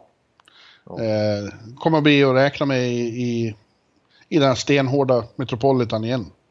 Ja, exakt. Och jag, jag, två saker jag vill lägga till här med Columbus bara. Det är också att eh, ett, det ska bli intressant att se vad Wennberg får kontrakt. Han är, han är RFA så jag kan tänka mig att det dyker upp en artikel här någon gång den här månaden eller i augusti med ganska stora sedelbuntar som hamnar hos Wennberg. Ja, Frågan är hur mycket de ger han om, om de går all in nu eller om det blir någon slags bridge. Men han är nästan värd att, att, att satsa på direkt. Det kanske är, är bra för Columbus. Och, och, det tror jag de gör. Bridge-kontrakt har ju nästan försvunnit. Precis, exakt. Och eh, han har ju, jag menar, han har, alltså han, han är ju deras första center. Ja. han ska ju ha, han ska ju ha betalt liksom. Ja, och de behöver inte vara oroliga eftersom det aldrig händer sådana här, eh, eh, vad heter det? När man är RFA, man kan få ett eh, bud Offer från någon annan. Ja. Offer sheet, men det händer ju aldrig. Nej, det händer ju. Det är mycket snack om det varje år, men så händer det aldrig. Nej. nästan, får man ju säga. Det var länge Ja, sedan. det, är en o, det är en oskriven regel mellan lagen, de gör inte det mot varandra. Liksom. Nej, alltså, Kar kartellbildning där. Precis, jag får mig var det Paul Holmgren när han offersheetade Shea Webber från Nashville en gång i tiden. Ja, Efter det så sa han ju berättat att det var ingen general manager som ville prata med honom. Han hade ju brutit mot alla regler. Så det gör man inte. nej, nej, det är lite synd, för det skulle ju bli intressantare om det hände också. Exakt, det finns ju många offersheet-lägen. Alltså, när vi kommer in på Ed- Edmonton snart så skulle ju Dreisaitl kunna vara ett sånt exempel. Men, Ja, men en sak till jag vill säga om Columbus också. Som är en brasklapp här. Det är att eh, nästan varje gång i Columbus historia som de har blivit hypade. Så har de svarat med att underprestera. ja det är faktiskt sant. Eh, det var ju bara något år sedan här när de hade eh, gått upp mot Pittsburgh i första omgången och, och gjort det bra. Mm. Första året Dubinski och så var där. Då tänkte jag, ja nu kommer de bli bra. Och så blev det inte bra alls. Nej, precis. Och, och bara för något år sedan också när, eh, när, de, när de tog in Brandon Saad. Som de nu har Ja. mot Panarin. Och, och, de kände, och de hade vunnit de tio sista matcherna av grundserien någonting. Då bara, oj, det här kommer, det här kommer nu. Alltså, och de var grymma på försäsongen. Men sedan med Saad, eh, Johansson och, och någon till, Foligno tror jag var, på försäsongen. Gjorde mest poäng av alla kedjor i hela NHL räknat på försäsongen. Så man bara, oh, Columbus känns jättespännande. Och så börjar de med att förlora sina sju första matcher. Och Todd Richard fick sparken och så vidare. Och de fick ta in Tortorella sen. Ja. Så att, Ja du. Vi får se då helt enkelt. Men, men på pappret så ser de ju jävligt intressanta ut. Jag tycker de är så spelskickliga nu så att de kommer, de kommer ha för roligt för att det ska gå dåligt. Ja, det kommer att smälla i den där kanonen i ja. Nationwide Arena. Verkligen. Så ta sig dit. Jag måste dit. Jag måste dit. Ja, jag, har, jag har redan eh, abstinens. Jag vill se hockey, ja. Det har bara gått eh, några veckor sedan finalen, men jag tycker det känns tråkigt att det inte är några matcher. Ja, det är, man, alltså i augusti. Och där, tänk då hur det kommer kännas i augusti, skulle ja. jag just säga. Usch, när det fortfarande är två, tre månader kvar liksom. Ja. Ja. Och jag tror också det kommer finnas anledning att ta sig till Texas många gånger kommande säsong. För där spelar ju Dallas Stars och eh, ja. Jag eh, tippade dem till final redan den här säsongen. Det blev det verkligen ingenting av med. Nej. De missade slutspel, men det hade sina rutiga skäl och randiga orsaker också. De hade en jävla otur med skador och med spelare som stack hem och så vidare. Just det. Eh, de kan ju inte ha samma otur igen, tycker jag. Nej. Och har, har de bara lite flyt på den punkten med skador och sånt, så har de ett jävligt intressant lag. De har skaffat sig en målvakt i Ben Bishop som förvisso är skadebenägen, men om man håller så är det, tycker jag, ett lyft. Ja, det är det ju jämfört med vad de har haft. Ja, det vill jag påstå. Eh, de lyckades knyta till sig Martin Hansel och har ett djup på centersidan som jag tror ingen annan Ja, det är en ruggig centersida alltså. Med ja. Ben, Spetsa, Hansal och Faxa. Ja, och sen dessutom Janmark som kan vara center. Ja, precis. Och kommer tillbaks och en sån som Krimberg sa att, eh, många tänker inte på det, men att Janmark försvann var ett hårt slag för dem. Ja. Eh, han, han var otroligt viktig säsongen före som, som liksom eh, katalysator där. Ja, han var en topp 6-spelare alltså. Ja. Han kommer tillbaks nu och eh, ja, backsidan Mm. Eh, det finns väl fortfarande lite frågetecken där, men, men det känns som det är många eh, som är på väg åt rätt håll där med. Ja, det känns inte Esa som att... Lindell. Esa Lindell ja, som fick mycket förtroende i slutet av säsongen. Och, eh, eller ja, han fick ju rätt mycket förtroende överhuvudtaget. Eh, och Oleksiak och Nemeth och de är ju fortfarande unga. Det känns ja, inte och så kommer de... underifrån kommer Julius Honka också. Ja visst. Poddfavoriten alltså. Ja, som har för bra precis. namn för att inte lyckas i NHL. Liksom. Ja. Så är det bara. Ja. Och Klingberg är fortfarande... Han är ju 91 eller 92 va? Så han är ju inte gammal han heller. Nej, verkligen inte. Uh, mitt, mitt stora frågetecken är dock Ken Hitchcock. Att de tar tillbaka honom. Jag vet inte. Han är, han är en skicklig coach, men som vi såg i St. Louis så känns det som att han har lite svårt att anpassa sig till moderna tider. Ja, det är, det, precis. Det är det som är, känns lite tråkigt. För det känns som ett modernt lag det här. Ett sprakande Dallas Stars här, med så mycket offensiv sprängkraft liksom. Och så ska en regressiv, eller man ska säga, en, en defensivt eh, och hårt tyglad, eh, håller sina spelare hårt tyglade. En sån coach som Hitchcock mm. kommer in. Det känns ju inte så liksom att det är i linje med vad Dallas har för lagbygge liksom. Nej, och eh, det är också så här lite tecken på nostalgi. Att plocka hem honom. Han, visst, han vann en Stanley Cup där, men det är ju hundra år sedan. Precis, då var det ju sådana här, eh, liksom såna här som Darren Hatcher och sådana här ja. Som, som ja. var effektiva. Och det är ju långt ifrån 2017. Eh, ja. ja. Men bortsett från det så säger jag att det kanske var ett år för tidigt ute med Dallas. Då. Jag känner väl ingen finalfeeling kanske, men, men de kommer att vara ett av de en av de stora utmanarna i Central Division som inte är någon eh, division att leka med det heller. Nej, precis. Det är det jag vill säga. Det är det som gör att man kanske höjer extra liksom, frågetecken kring eh, Chicago. Att jag menar, vi har Dallas som borde studsa tillbaka och vi har ett Winnipeg som borde studsa tillbaka. Mm. Så det kommer, det kommer vara tätt där. Alltså det, blir, det blir tufft att hålla sig i toppen i den divisionen. Ja. Ja. ja. Och så, mm. Vi kan nämna också, det, vi, vi, vet ju inte vart Alex Radulov kommer signa någonstans. Men det har ju ryktats om att eh, Dallas är aggressivt, aggressive, aggressively pursuing Radulov. Ja. Och har gett ett det, står med, det står mellan dem och Montreal tydligen. Exakt, och skulle de nu eh, ponera att de vinner den eh, dragkampen så är det ju... Ja, då jävlar. Då snackar ja. vi liksom. Ja. då snackar vi. Ja. Då snackar vi ja. Mm. Och, och kunde han spela för Therrien så kan han väl spela för Hitchcock. Ja, det skulle kunna funka, tycker man. För det, det gick ju utmärkt under Therian också. Liksom. Ja. Ja. Sen är det Detroit Red Wings då. Ja, det, ja, det är kanske inte riktigt lika, pos, lika positiva tongångar. Nej, det är tyvärr inte det. Eh, de missade slutspelet för första gången på 25 år och eh, ja, det är, det är svårt att se något annat än att de trendar i, i den riktningen även nu. Det skulle ha behövts göra enorma saker av Ken Holland här under, under, under sommaren, men det verkar inte som att han har något manöverutrymme för det. Han, det enda som har hänt hittills är att han har tagit in Trevor Daley. Och det är väl en habil back. Han har varit bra i, i Pittsburgh, men han, eh, han lyfter väl inte en backuppsättning som det är problem med. Nej, precis. Och det känns lite som Ken Hollands filosofi fortsätter här med att eh, försöka rädda det sjunkande skeppet lite grann. Eh, ja. För att eh, Daley, visst, han, räddar, han har snyggat till sin karriär ordentligt i, i Pittsburgh. Dessförinnan blev han ju bortbytt från Chicago till Pittsburgh mot Rob Scuderi. Och det är ju nästan en förolämpning, höll jag på att säga. Nu var jag jättetaskig mot Rob Scuderi. Men, ja, det var du. Eh, men eh, så, så, så lågt värde hade han faktiskt. Förlåt mig alltså. Det, det, som spelare. Och, eh, och och sen dessutom har jag haft lite skadeproblem här. Han var ju, det såg vi ju när han fick halta ut förra Stanley Cup-vinsten. Hade på, på, I bandage och grejer där. Och han mm. var ju skadad delvis i det här slutspelet också. Har ju inte kommit, varit i närheten av att kunna spela 82 grundseriematcher. Liksom för det. Eh, han har knäproblem och så vidare. Så att, eh, och han är 33 bast nu. Så att, eh, ett treårskontrakt med honom. Det är som du säger, det, det tror jag inte gör någon jätteskillnad i deras försvarsled.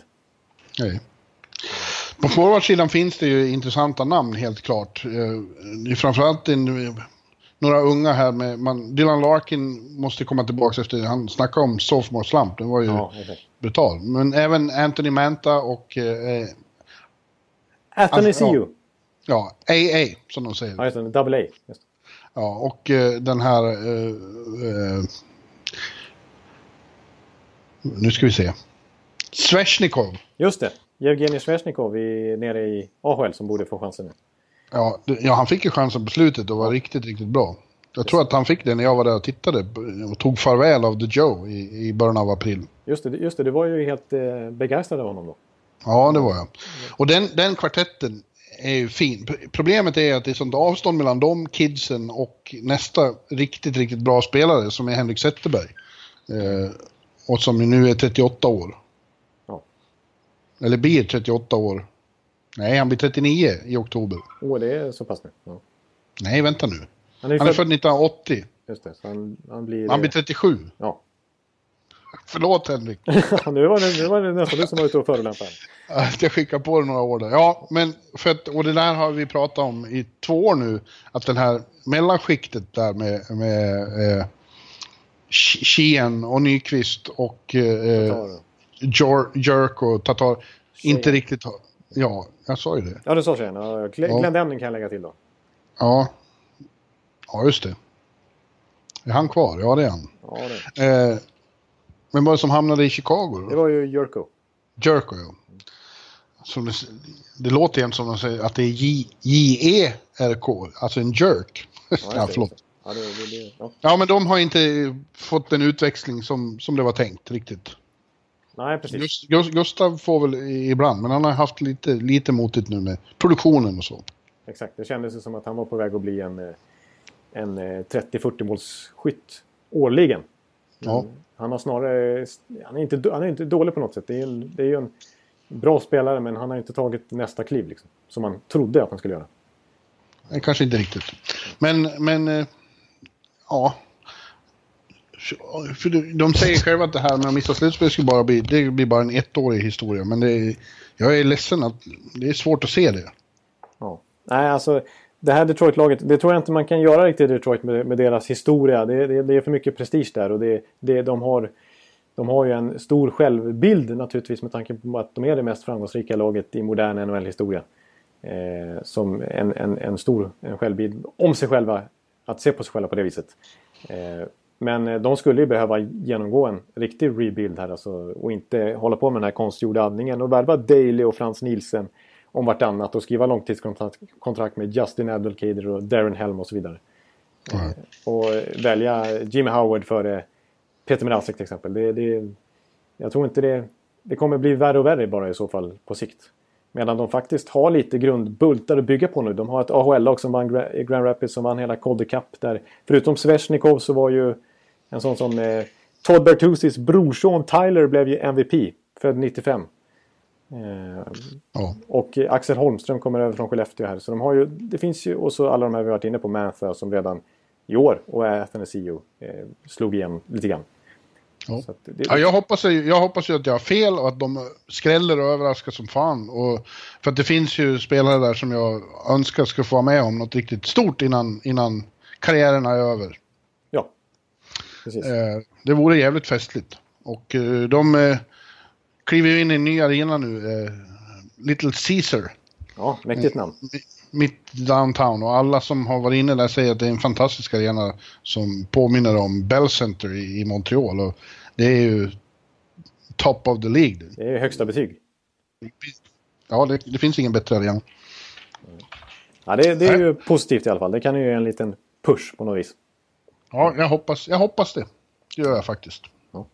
Men jag, jag, jag man har svårt att se. Det, det, det kanske snart är dags att byta general manager efter alla decennier här också. Ja.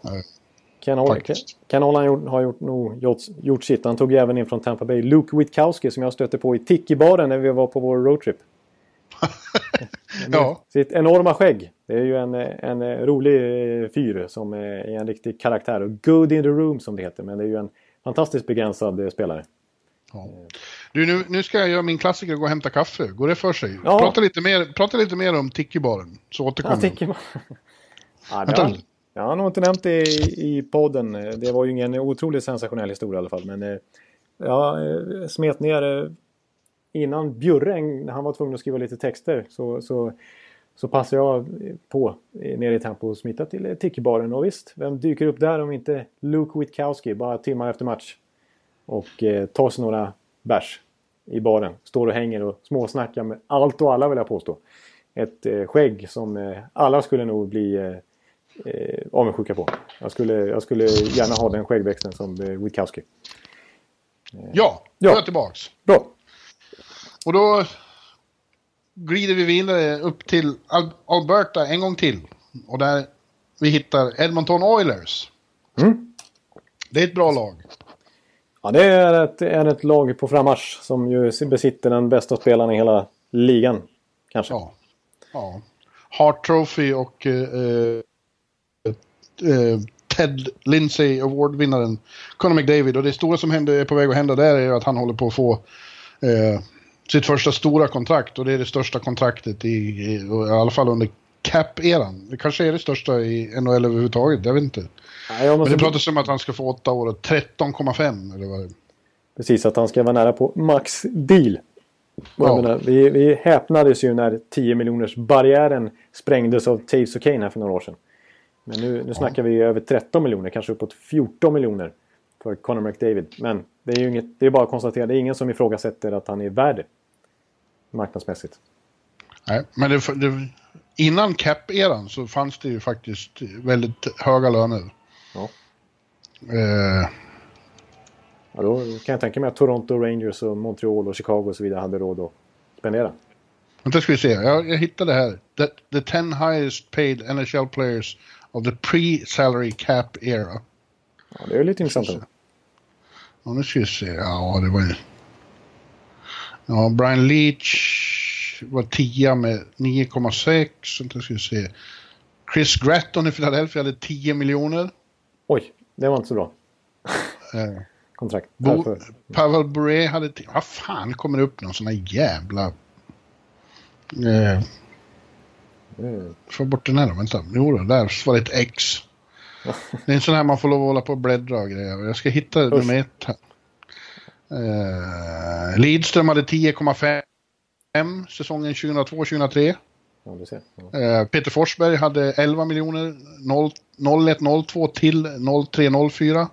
11 miljoner. Ja, det är riktigt bra. Och då ska vi komma ihåg att det har varit lite lätt inflation sedan dess. Eller i alla fall värdet på 11 miljoner då är mer än vad det är idag. Ja, Jager hade 11 miljoner från 03 till 04. Eh, Lemieux hade 11,3 96-97. Eh, Joe Sakic, din kompis, han hade säsongen 97-98 17 miljoner dollar. Oj, oj, oj, oj. Ja, då snackar vi. Nu snackar vi. Ja. Och Sergej Fedorov, Detroit Red Wings, han hade säsongen 97-98 28 miljoner dollar. 28 miljoner dollar, det är helt... Okej, okay, men då är ju Conor McDavid, det är glasspengar. Kan det här verkligen stämma? Yes folks, Sergej Fedorov made 25 million in the 97-98 season, NHL record as the largest single season amount paid to an NHL player in history. And one that may, may never be broken. Nej, det ska... Nej, det ska McDavid är inte riktigt närheten av att ta det där. Nej, ja, jag ville bara få det sagt i alla fall. Men under cap-eran så kommer han att få det största och ska ju ha det också. Det är väl ingen snack om det. Nej, är man eh, knappt 20 bast, han är, har ju fyllt det här i januari väl. Så, eh, och redan nu vinner både Ted Lindsey och Hart och den enda spelaren i år som kommer upp i 100 poäng. Så eh, är man ju värd så, så det, finns det inget alternativ för Edmonton eller att skriva, än att be Conor McDavid plita ner vad han vill ha och sen skriva under det ungefär. 25 miljoner 97-98. Man kan inte släppa det riktigt. Nej, det är, på den tiden också. Det är, ja. det är fruktansvärt mycket pengar. Är, ja. Nej, men... Men, eh, men det, apropå McDavid så vill jag säga också, som många har påtalat också, att, att om man ser till hur lågt, eller lågt och lågt, men som lönetaket var när Crosby skrev sitt kontrakt. Ja. Eh, för ett decennium sedan ungefär. Så, eh, så är det ju lika mycket procent av lönetaket som det kontraktet upptar som det är för Conor McDavid nu med tanke på att lönetaket har höjts med nästan 20 miljoner dollar. Ja, men du vet ju att Crosby ville ha 8,7 också eftersom han är så ja, jävla skrock, skrockfull. Just det, just det, det är sant. Vilket, vilket eh, ja, Conor McDavid skulle vara helt okej, okay, men, men eh, vad har han nu för nummer? 97, 9,7. Ja, 9,7, men det är underbetalt tyvärr. Det blir, det blir svårare att få in Austin Matthews för 3,4. Ja, det, det, kan han nog glömma. Han ska nog inte ha någon bridge heller när han är klar med sitt uh, rookieavtal för att se om han är på riktigt. Utan han kan nog kamma hem lite stålar han också. Mm. Nej, men så är det ju. De, det handlar om det och så handlar det om att de ska ha, behålla Drycytle också. Då, som, där har det varit lite snack om att det kan komma en offer sheet då. Men att eh Edmonton, inte en chans att de tänker släppa honom. Nej, precis. Han ska matcha alla bud. Och i, och med att, I och med att det är just McDavid-situationen här så, så, finns det väl lite lucka att kanske gå in på Drycytle. Men det, vi, det kommer förmodligen inte hända. Men eh, alltså Dreisaitl hade ju ett, ett fantastiskt säsong. Kom upp i 77 poäng själv. Slutade väl 8-9 i NHLs totala poängliga.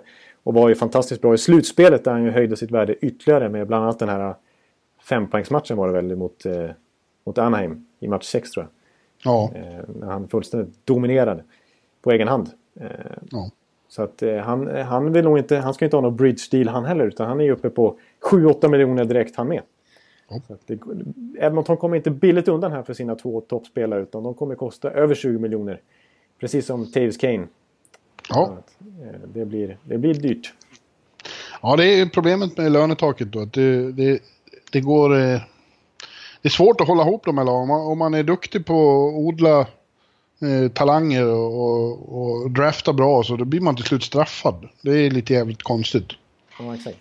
Jag menar, det kommer att bli jättesvårt i Toronto att behålla både eh, Matthews, Marner och Nylander och. Brown och ytterligare och Riley och, ja. på backsidan också. Ja. Eh, och det är, det, det, är ju tråkigt att det ska straffas. Liksom. Ja, ja det, det, men det, det är så det fungerar för att jämna ut ligan. Liksom. Ja. Men, ja. Men ja. Nej, jag, jag, jag, alltså, apropå Edmonton här så tycker jag väl inte att Chiarelli har övertygat enormt mycket hittills i alla fall eh, den här sommaren. För att Eh, han, de har ju en bra grund att bygga på när de har sådana supertalanger som de har som redan nu är världsspelare. Men eh, jag funderar på... Eh, alltså jag är inte helt förtjust till exempel i förra veckan vi pratade om Jordan Eberle och Ryan Strom. Det var ju mest för att frigöra löneutrymme. Men de hade kunnat gjort den traden nästa sommar när de facto McDavids kontrakt kickar in. De hade haft råd med... För Eberle är ju trots allt en bättre spelare än Strome skulle jag påstå. Eh, trots, även om Eberle var en stor besvikelse i år. Men eh, och sen, sen, sen, undrar jag kanske nu när de fortfarande har lite löneutrymme kvar, även när de signar Dreisaitl, att kanske att de ska ta, testa att ta in några spelare här och där på en ettårskontrakt bara för att passa på att satsa nu när, när Conor McDavid kostar under en miljon jämfört med 14 miljoner nästa år. Om de ska försöka locka över en Jager eller en Vann. Ja, jag skulle just säga Jokinen eller något sånt där. Ja. Gå för Jagr. Ja, det borde väl Jagr vara intresserad av också. Ja, om man vill bo i Edmonton, det är ju det. Det, det är ju det som är tveksamt. Han har väl trivts bättre nere i Florida utan eh, statlig, eller utan eh, delstatsskatt och så vidare och klimatet och sådär. Så. Jag tycker, jag tycker Jagr ska åka till Vegas. ja, där, där känns han som klippt och skuren faktiskt. Ja. Men jag tycker, jag tycker de kanske borde satsa på något sätt här när, när de har eh, alltså McDavid Ja, det kan de väl göra, det, men det hinner de ju än. Och, och I första hand handlar det om att bevara så mycket som möjligt av det här som är, ett, eh, som är en contender redan nu. Ja, exakt. Det, det, det, Kanadas drömmar om en final mellan Edmonton och Toronto är ju inte helt, inte fullständigt osannolika. Nej, verkligen inte. Och, och inte, inte osannolikt redan den kommande säsongen faktiskt. Nej, faktiskt. Tänk vilken grej. Oilers Maple Leafs i final. Oj, oj, oj, oj, oj. ja, det, det, det låter surrealistiskt men det kommer ju kunna bli verklighet alltså. Ja, ja kanske. Konkurrensen är rätt hård. Ja, ja, det är det.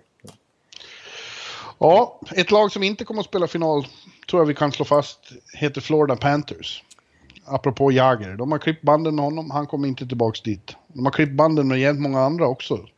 Och är uppenbarligen inne i en ny identitetskris och vet ju fan vad de ska göra. Det är något destruktivt at the heart of Florida Panthers. Ja, precis. De har, ibland får de sådana här eh, liksom knäppar när de bara tokkör liksom och, värvar hit och dit och, och, går all in på en linje och sen så bryter de den efter ett år bara. Ja, och ibland mitt i när mitt de sparkar, sparkar galant och så. Ja, exakt. Och nu känns det ju lite grann som... Vi var inne lite på den här Stats Fancy Cats som de kallades. Eh, diskussionen. Ja, det, de skulle ju driva den linjen stenhårt men det har de ju typ gett upp halvt om halvt nu. Ja, precis. För att nu har ju Dale Talon fått komma tillbaks eh, till eh, att vara general manager och han verkar ju som att han lite kränkt över eh, sättet han behandlades på när han åsidosattes till förmån för de här Stats-gänget och Steve Weirier i spetsen som general manager.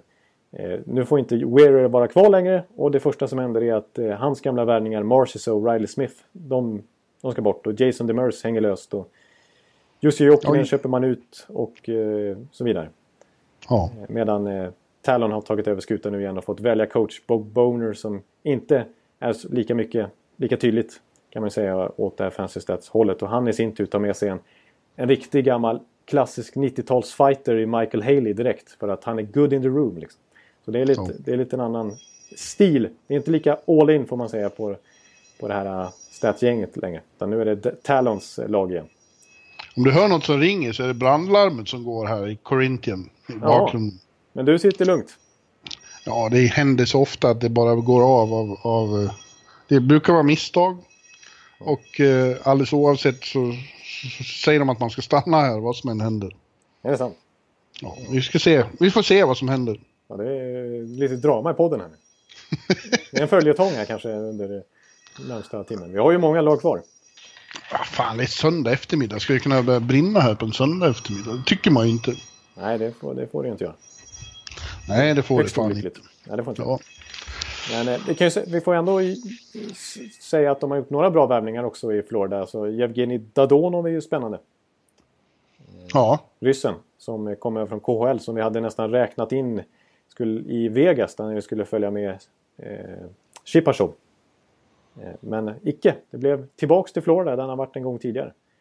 Eh, och har ju utvecklats ordentligt i KHL sedan dess och blivit en av de, den ligans absolut bästa målskyttar.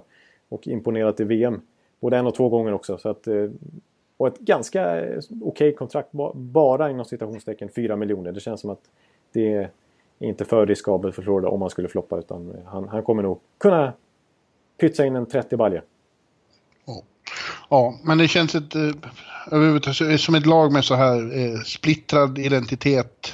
Eh, och, och ständig omvandling. Från det, kastas från det ena till det andra. Jag tror inte på Florida längre. Ja, du har gett upp. Ja, ja. för det finns ju, det finns ju begåvade, väldigt begåvade ynglingar där. Ja, det är, det är ju Ekblad och det är Huberdo och det är Barkov och det är Trocek och så vidare. Ja. Eh, ja. Matheson på backsidan, men eh, nej, jag håller med dig där. Det, det, det, det känns som att kontinuiteten eh, saknas i hela föreningen. över, års, liksom på, på, över flera års tid för att det ska kunna bli något riktigt, riktigt bra av det. Ja. Kan jag nämna Radin Verbata en spännande värvning också. Men det blir intressant att se om han för en gångs skull kan lyckas i någon annan klubb än Arizona. För det brukar, brukar han ju inte göra. Nej. Han brukar hamna på, på vad heter det? Och free agency igen. Ja, precis. Det är dags. Ja. Eller bli trader. Ja, ett annat lag som inte jag tror på heller är nästa lag som heter Los Angeles Kings.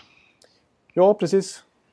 Nej, de är också inne i, inte lika allvarligt som Detroit, men man kan ju konstatera att deras storhetstid eh, inte är där den är på samma sätt längre. Utan de, de sitter lite halvtaskigt till mot lönetaket. Ja, och de har inte lyckats bli av med, det var väl tänkt att de skulle bli av med typ eh, Dustin Brown här i, på något sätt under expansion draft eller så, men det blev de inte. Nej, precis. De sitter kvar med Gaborik och Brown framför allt. Det är ja. de värsta kontrakten liksom. Som upptar ja. en ansenlig del av löne, hela lönekakan. Liksom.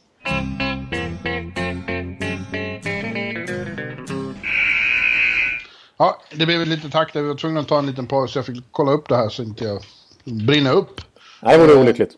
Ja, men äh, jag skulle köra ändå, in i det sista. Nej, men det verkar, inte, det verkar vara falsk larm. Som vanligt, vi var inne på eh, Los Angeles Kings som vi inte trodde så mycket på, nej. Just det. Nej, precis. Eh, Rob Blake har ju tagit över som general manager där och, och, har, inte så, har en del att städa upp efter sin företrädare Dean Lombardi.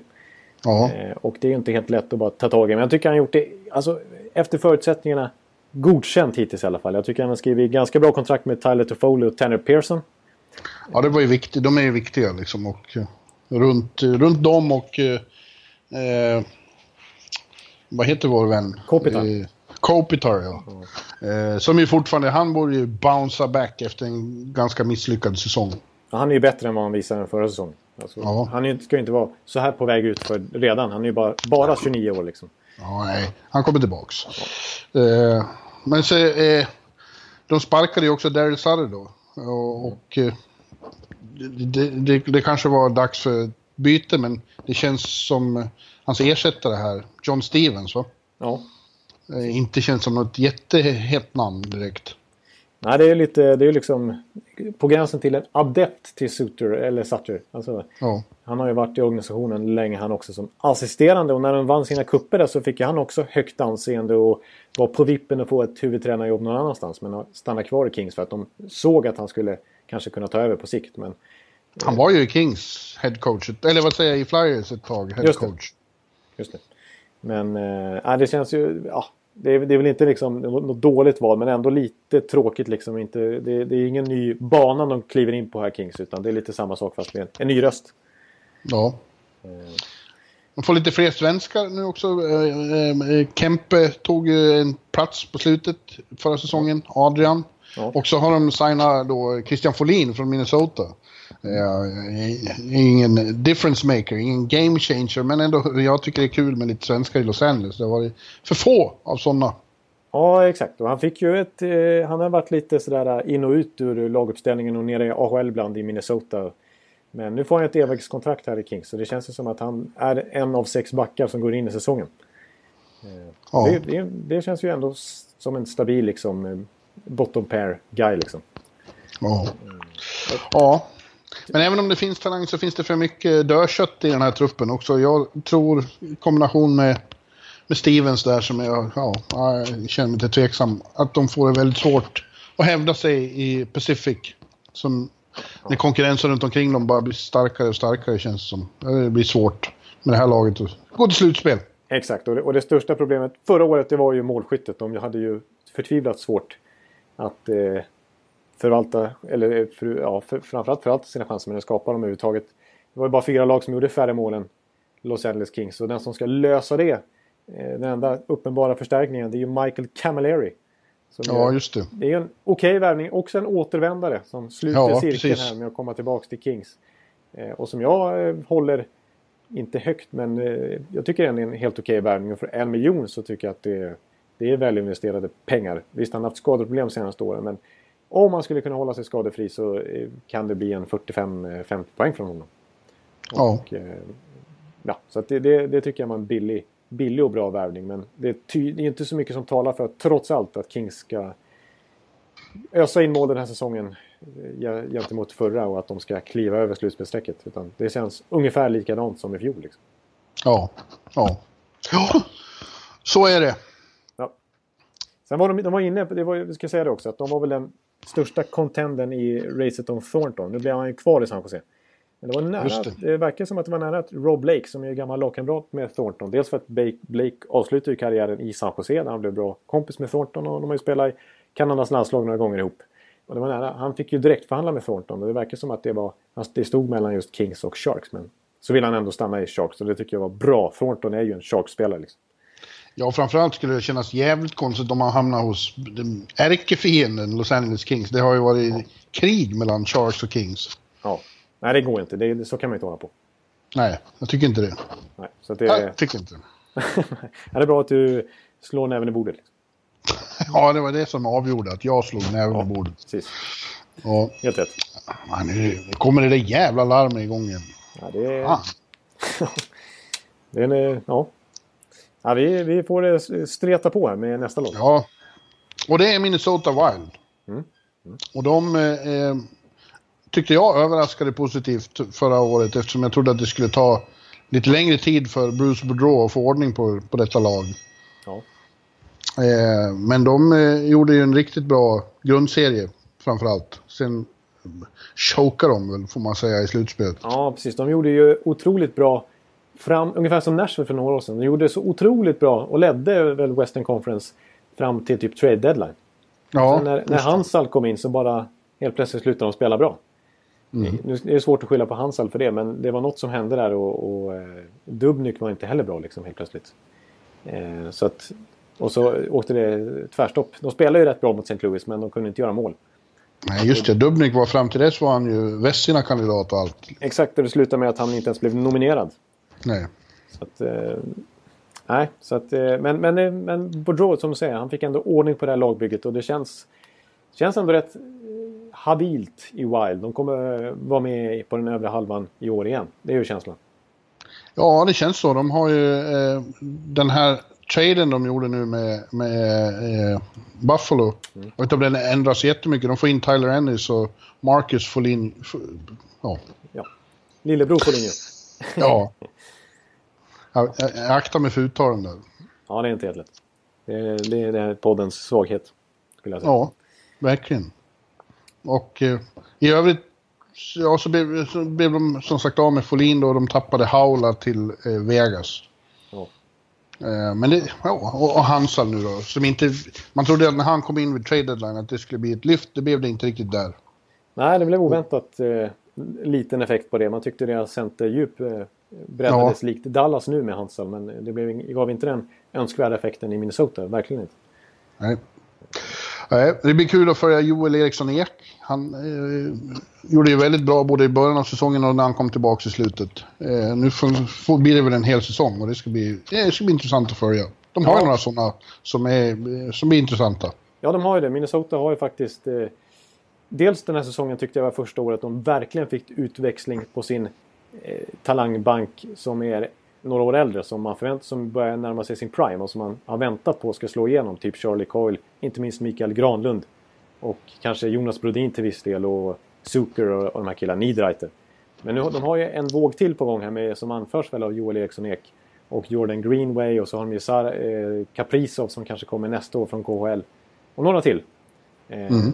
Så att eh, Minnesota på sikt är man ju inte orolig för utan eh, Ja, det känns som att de... Men det känns samtidigt inte som att de är uppenbart bättre i år heller utan det blir ungefär samma visa som i fjol. Bara att det gäller för att, att inte choka ihop när det gäller som mest liksom. Se vad som hände. Scott Stevens lämnade ju. Han eh, eh, vill inte vara kvar i Minnesota. Han vill flytta hem till New Jersey. Och eh, det tror jag de är lite deppiga över. Brodin pratade ju extremt gott om Scott Stevens. Hur viktig han var för deras backar. Och hur, hur, hur utvecklande det hade varit för honom själv att ha Scott Stevens. Ja, alltså vi var ju imponerade över eh, Brodins säsong och inte minst Popovic som satt och, Ja, och var det. upphetsad på läktaren nästan där. När han fick se eh, Ja. Brodins match mot Tampa när vi var där på plats. Men, eh, eh, och då när vi pratade med honom i omklädningsrummet så sa ju Brodin, det, den nyckelfaktorn som man pekar på det var ju bort mot Stevens liksom. Att, att han att han hade lärt honom otroligt mycket och varit en, eh, en revelation i omklädningsrummet. Och hjälpt ja. backarna. Ja. Mm. Ja. Eh, nu, nu gick det mycket rykten om att Brodin skulle bli tradad, men det verkar som att han blir kvar då. Ja, de prioriterade honom. Det var ju det, det var Scandella som fick ryka. De behöll sina yngre backar istället, Damba och Brodin. Så det väl, ja. Och det var väl korrekt analyserat ja. av Chuck Fletcher. When you're ready to pop the question, the last thing you want to do is second guess the ring. At BlueNile.com you can design a one-of-a-kind ring with the ease and convenience of shopping online. Choose your diamond and setting. When you find the one, you'll get it delivered right to your door. Go to Bluenile.com and use promo code LISTEN to get $50 off your purchase of $500 or more. That's code LISTEN at Bluenile.com for $50 off your purchase. Bluenile.com code LISTEN. Tycker jag. Ja. ja. Sen har vi Montreal Canadiens då. Ja. Ett... Eh, ja, jag vet inte vad man ska säga om Montreal. Ja, det, är ju, det händer ju mycket när Mark Bergevin sitter bakom spakarna. Han, han gör ju som han vill. Ja, mm, han gör det. Han, eh, han ska bjuda på en eh, blockbuster varje sommar han. Eh, ja. Det var Webber och Subban förra året och nu börjar han ju rivstarta ju den här off-season med Drouin mot eh, Sergachev. Ja. Ja, Drouin är ju, ett, är ju jävligt intressant. Det är ett lyft. Ja, och det, är apropå hemvändare och sådär. Nu har inte han varit där tidigare men han är ju en Montreal Kid. Och eh, det känns ju så, han som är klippt och skuren för det där laget som... Eh, ja, de, vill, de är, har ju en självbild av sig själva att de spelar, att det är urhockeyn liksom. Att de spelar fint och trevligt liksom. Och, och, och Drouin är ju, är ju liksom... Fint och trevligt? Ja, det kanske de inte gjort under Therrien direkt och kanske inte Julien står för den typen av hockey 100% heller. Men, men Drouin är ju en publikattraktion som kommer bli favorit där uppe i eh, Hometown Boy liksom. Ja. Så är det. Från start här direkt. Han kommer, han kommer, jag om man kommer kunna göra så här 80 poäng direkt men 60-70 poäng i alla fall och på sikt så, så har jag stora, och vi, det har vi varit inne på också i många gånger i podden, att vi har höga tankar om honom båda två. Ja, ja, jag tror att han kommer att bli en av de stora. Eh, frågan är dock vad som händer lite som med, det har ju varit sådana diskussioner kring Galchenyuk. Att ja. de inte riktigt tror på honom och då är frågan, det ser lite tunt ut på centersidan. Ja, alltså det, det, är ju det när vi i slutspelet handlar våra mesta diskussioner om Montreal om just den här tunna centersidan där Philip Danault fick kliva upp som första center. Ja. Det, det, är ju inte starkt i konkurrens med andra topplag. Verkligen inte. Och Plekanec är ju gammal och dyr nu för tiden och inte så bra längre. Och, och eh, nej, det, det, det ser det, ser, det, ser, det är ju faktiskt det vi förväntade oss att de skulle åtgärda den biten, centersidan. Men ja. där har de ju inte klivit in och gjort någon stor värvning heller. Och just Galchenyuk är ju ett stort frågetecken. Han är en jättestor talang som gjorde 30 mål här om säsongen. Och, eh, men man, de har inte bestämt sig för om han är ytter eller center och i slutspelet var han nere i fjärde kedjan ett, ett tag. Eh, och de har bytt coach men ändå inte fått bukt på honom. Så att, Frågan är, och han är RFA nu också så han ska ha ett nytt kontrakt. Och frågan är om han ska acceptera en bridge igen eller om han vill ha sina stålar nu liksom. Eh, så det, det, är verkligen en följetong den här sommaren, vill jag påstå. Ja. Ja, och sen ska de... Eh, eh Carey Price är inne på sitt kontraktsår nu, kommande säsong. Ja. Eh, är också intressant. Eh, det, det, måste ju vara en prioritet väl? Ja, alltså han är ju bästa målvakten i NHL. Ja. Alltså över tid. Om man, om man skulle få välja en målvakt som man tror känns mest stabilast över tid så är det väl Carey Price. Liksom. Och, eh, men problemet är då att han kommer att kosta 10 miljoner. Han kommer att slå Henke Lundqvists eh, notering som den eh, mest välbetalda keepern i NHL. Det, ja. det, kommer han ju att göra och det kan ju bli som sagt upp mot 10 miljoner dollar. Det är en stor portion av lönekakan man lägger på sista utposten då. Eh, så att då blir det inte så lätt sen för sen snart ska Max Pacioretty ha kontrakt också. Och om de ska få tag i den där första centern behöver de lägga pengar på det också. Så att eh, det, det, det, trots att det har hänt mycket i Montreal, de har tagit in Carl Elsner här också. Så tycker jag att det finns hål i truppen. Och de har inte så mycket pengar kvar att leka med. Liksom. Nej. Nej. Att, eh, och Markov är ju osignad fortfarande också. Så. Och så ja, och, och Radulov, Radulov känns ju som ett väldigt angeläget att få behålla, tycker jag. Men det, det är ju tydligen eh, diskussion om, om term där då, att han vill ha fem år och det tycker de är för mycket. Ja, precis. Eh, och det kan, det kan jag ju köpa för Montreal. Att han, det blir ju återigen en sån här 30-årig spelare som man... Där det har visat sig vara väldigt riskabelt av naturliga skäl att skriva långa kontrakt. Men eh, Radulov har ju varit ganska hård i förhandlingarna hittills och inte velat vika sig än så länge. Även om han själv innerst inne verkar det som vill stanna i Habs. Han, han trivdes väldigt bra där den, den gångna säsongen. Det skulle ju vara ett jättetapp för Montreal att bli av med sin kanske ihop med Drouin nu bästa offensiva spelare ihop med Pacioretty. de har ju haft problem med offensiven i flera år. Ja. Montreal och då är det ett jättehårt slag att bli av med Radulov som verkligen hittar rätt där förra säsongen. Så de kanske får ge vika där och, och, och ge han något extra år. Ja, ja det känns lite eh, osäkert. Eh, de hänger lite i limbo. Montreal. Ja. ja. Jag, är inte, jag är inte helt nöjd med, med Alsner där heller som ju är en ganska alltså, trög back. Visserligen ja. så gammal, 28 bast, men lite halvt skadebenägen kanske. Eller han har ju spelat, han har ju spelat 82 matcher massa år i rad, men nu på, i slutet där hade han lite bekymmer. Och eh, är ju långsam och otroligt begränsad. Han har ju ingen offensiv uppsida whatsoever utan är en renodlad back i egen zon. Och de betalar ändå han ganska mycket och så har de redan liksom Webber och lite stabbigt på backsidan känner jag i alla fall. Så att, eh, ja. ja. Ja. Tuffa bud. Ja, men de är ändå regerande eh, grundserievinnare av Atlantic Division så jag tror inte att de missar slutspel, att det finns någon sån risk. Utan Drouin och eh, om de får lyckas behålla Radulov och eh, kanske något, eh, någon till pusselbit som Burson vill lösa där så ser jag... Kan, utesluter inte att de vinner divisionen igen faktiskt. Nej. Vinner divisionen kan också nästa lag göra, sin division. Central Division. För nu pratar vi Nashville Predators, finallaget. Eh, som... Eh, Ja, det blir intressant för dem att komma tillbaka till efter... Alltså för alla som går långt i slutspelet så är de första matcherna sen i träningsmatcher och grundserien när de är tillbaka i vardagen. Mm. Eh, är alltid en utmaning. Och ingenstans kommer vardagen att kännas mer what? Ja, än, än, i Nashville efter de enorma fester som var där i två månader. Exakt. Eh, så det kan bli lite baksmälla på det sättet i början av säsongen. Men bortsett från det så tycker jag Nashville ser extremt bra ut även, även, även nu. Ja, jo det, det håller jag med om. De har kvar sin topp fyra naturligtvis som fortfarande är ung. Alltså det, är ju, det, är ju, det är ju ingen där som är på väg ner för tvärtom i sina karriärer. Ja, bara nu inte han får för sig eh, eh, Poil. Poil, att, att han ska byta upp det där Big Four att Emilyn skulle vara någon slags ersättare. För det är han inte. Nej, nej precis. Han är på sin höjd en femte backen och sånt där. Och det... ja, exakt. Å andra sidan, eh, om de behåller honom så är han ju faktiskt en väldigt bra eh, i tredje backpar. Ja, Känns som en stabil pjäs. Ja. Eh, bättre, än, eh, bättre än eh, de, de här, vad hette de, Irvin och, och, och Weber. Weber, ja. Jannik Weber. Ja. Mm. Eh, nej men så är det eh, men, Och framåt så var vi inne på förra veckan att de fick offra James Neal gratis ja. i Vegas. Och det var ju inte så bra kanske. Nej, det kostade. Det var väl en de inte ville bli av med. Istället har de nu då fått in Bonino. Som känns som en, eh, tycker jag, ändå stabil andra eller framförallt tredje center. Om de, eh, faktiskt. Han kanske är lite, lite överbetald, jag vet inte. Ja, men det visste man att eh, han var ju en sån där spelare, han och Hansal. I och med att det är många klubbar som ville ha centrar så visste vi ja. att Hansal och Bonini var det bästa på marknaden och att de skulle få lite, kanske något år för mycket och någon miljon för mycket. Och så blev det väl i bägges fall. Men eh, det är svårt att argumentera mot att inte Nashville eh, blir bättre på centersidan nu när...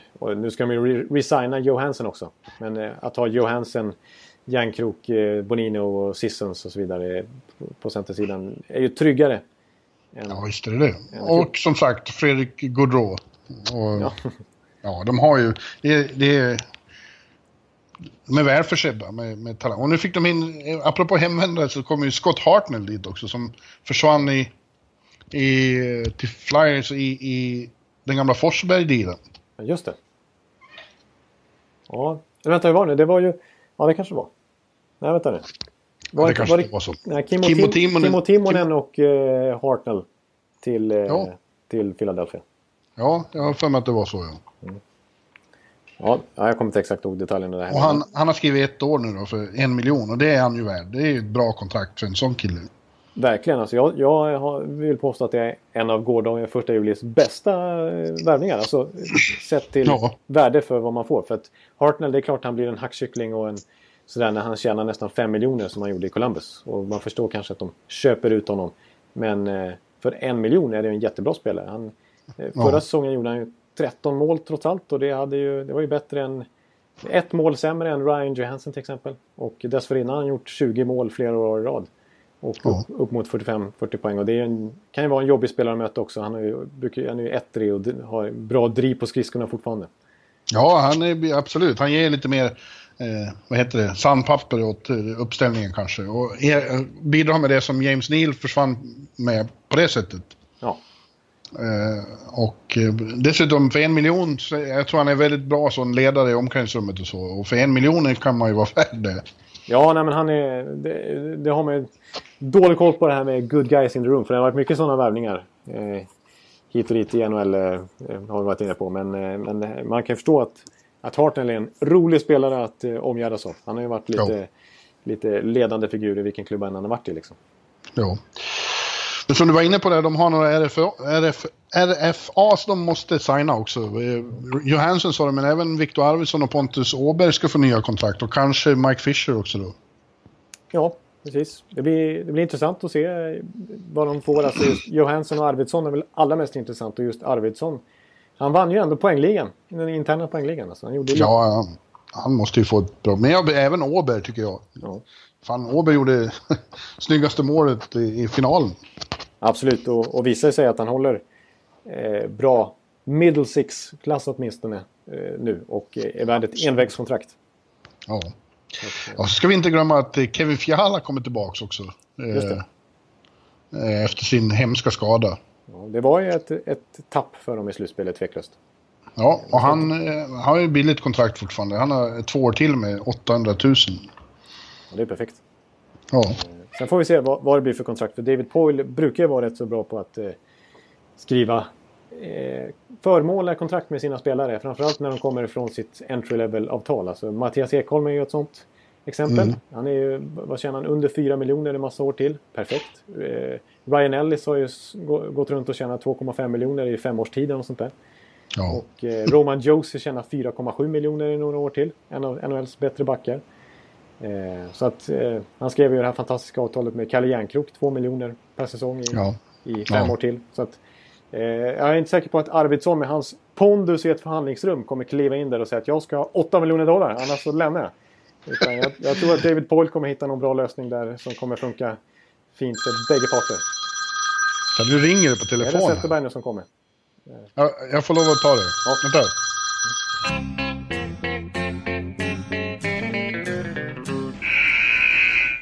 Ja, eh, där fick vi avbryta igen. Jag fick ett samtal. Eh, det har brunnit här i huset, men eh, det är contained och jag ska stanna här i lägenheten tills vidare, säger de i alla fall. Drama. Ja, det är riktigt drama här. Alltså, vi får se vart det slutar någonstans. Men, men det, det, det, har alltså brunnit på riktigt. Vad var det? På 30 våningen? Ja, och det luktar rök ute i korridoren. Men de, brandkåren har varit här och de har tagit hand om det och de säger nere i lobbyn att it's, it's all cool. Så vi får se då. Tills det knackar på dörren och någon brandman kommer hit och hämtar ut mig, då får vi avbryta. Men då, tills, vi... tills vidare så vägrar jag att, att förstå, liksom, eh, lägga ner denna eh, poddavslutning. Den, den fortsätter. Ja, det är ju bara på Nashville än så länge. Ja, eh, det är vi. Och där pratar vi om att eh, det ser bra ut och att eh, Pekarinne ska väl hålla något år till, tycker man. Ja, och det är precis. Och han har, tror jag, bara två år till kvar på kontraktet. Eller om det är jag tror det är bara två år till. Så att, eh, det, sen får väl Ljuset ta över på riktigt. Ja. Eh, så att, eh, och vi får se. Vi får se vad Arvidsson och Joe Hansen får. Men som, som jag var inne på, där, Poil brukar vara duktig på vid förhandlingsbordet. Så att, det, mm. kom, det kommer se bra ut. Innan vi lämnar Nashville, och det kan vi göra nu för att jag ser på Twitter medan vi spelar in här att Carey Price har förlängt. Jaså, jaha. Mm. Eh, när vi spelar in här så, så ser vi ingen... Eh, än så länge. Jo, nu kom det. Eh, price extension 8 years 10,5 miljoner per säsong. Jaha. 8 år för 10,5 miljoner. Det är alltså... Just nu så är han den bäst betalda spelaren i NHL ihop med eh, Taves och Kane. Ja. Det är väldigt mycket. Åtta år, 10,5. Ja, han är 30 bast i augusti, så han kommer att vara 38 år när det löper ut. Och tjäna 10,5 miljoner per säsong fram till dess. Ja, det kommer ju att... Ja, det är sånt som kommer att kosta dem in the end. Men Ja. Det är ytterligare en sån här... uh, The price of doing business just nu. Ja. Ska man ha spelare av Carey Price-kaliber, alltså de allra bästa, då, då är det bara så. Ja, exakt. Nej, det är inte mycket att... Alltså, det är, man får övervä överväga om det är värt det liksom. För att annars skulle han få den där dealen i en annan klubb. Eh, och man har inte... Alltså det är ändå världens bästa målvakt man har i sin trupp. Så att det... Ja, det är, de. Alltså det är svårt att ifrågasätta men det är klart det kommer att se dåligt. Men det är som du säger, annars skulle de ha släppt honom. Och det, det kan de inte göra. Liksom. Nej. Så det är bara att göra. Det är bara att ta det. Låt oss, låt oss gå vidare, min vän. Mm. Och då hamnar vi här i trakterna, för då är det New Jersey Devils vi ska prata om. Ja. Och, eh, de har inte så kul. Det är jobbigt Nej. för Shero. Han var ju hårt inne på och ville ha Chet, Kevin Shattenkirk han också, men blev eh, dragen vid näsan för Shattenkirk skrev på för Rangers för mindre pengar än vad han erbjöd. Och mindre term, för att Shattenkirk ville så gärna till Manhattan. Eh, och det här eh, visar ju något för deras del väldigt tråkigt, att det har blivit svårt att locka eh, bra spelare till New Jersey. Ja, jag drar exakt samma slutsats som jag skulle eh, sagt något här. Att, att eh, dragningskraften till eh, New Jersey verkar vara rock bottom nästan. Alltså. Ja. För att, eh, jag varnade ju för dem för en månad sedan att jag kände på mig att Ray Shero kommer... Det är ju en, en eh, general manager som inte vilar på hanen utan han, han gillar att göra moves och försöka förbättra sitt lag och kanske inte alltid tänker långsiktigt heller utan han, han, vill, ha, han vill att New Jersey ska gå tillbaka till slutspelet här efter fem missade år. Eh, Men eh, än så länge har han bara lyckats signa Brian Boy liksom. Ja. Och det blev ingen Kevin Shattenkirk trots att de var så intresserade. Liksom. Ja, ja. Och eh, Kowalczyk som är på väg tillbaks, han vill inte, han vill inte vara där, verkar det som. Nej. nej. Så att... Eh, nej, det, det, det är tufft för detta Ja, det är tufft. Ja, det är det. Tyvärr. Nu har de ju första valet där i, i, i draften då. Men eh, ja, det vet du mer om. Är han redo att kliva in? Det kanske Ja, han är i det här laget. Ja, alltså det, det är ju för att vara draftetta så är han ju inte... Det är ju inte någon eh, McDavid eller Eichel eller... Eh, eller Matthews eller så vidare. Liksom. Det är ju... Det har vi varit inne på att den här draftkullen var ju inte lika elit som tidigare år som vi nästan vant oss vid. Men Hischer, det, det är mycket troligt att han ändå tar en plats direkt och det är en, en jättetalang naturligtvis. Och utöver honom så har de ju fått fram lite mer. De har ju några spännande spelare som de har fått fram nu senaste åren när de kunnat drafta högt. Vi har ju Pavel Sacha och vi har eh, coach Qs brorson tror jag att han är. Eller om han är syssling eller något sånt där. Han är inte så nära släkt i alla fall. Eh, John Quenville. Som borde vara redo för NHL. Och Miles Wood och några andra namn. Men, eh, men det är ett lag som eh, i, dessutom i denna tuffa Metropolitan-division känns som en nästan ännu större slagpåse nästa säsong. Alltså Ja, det ser tufft ut. Eh, de avslutar, jag tror de avslutar med att förlora 20 av de sista 24 matcherna. Ja.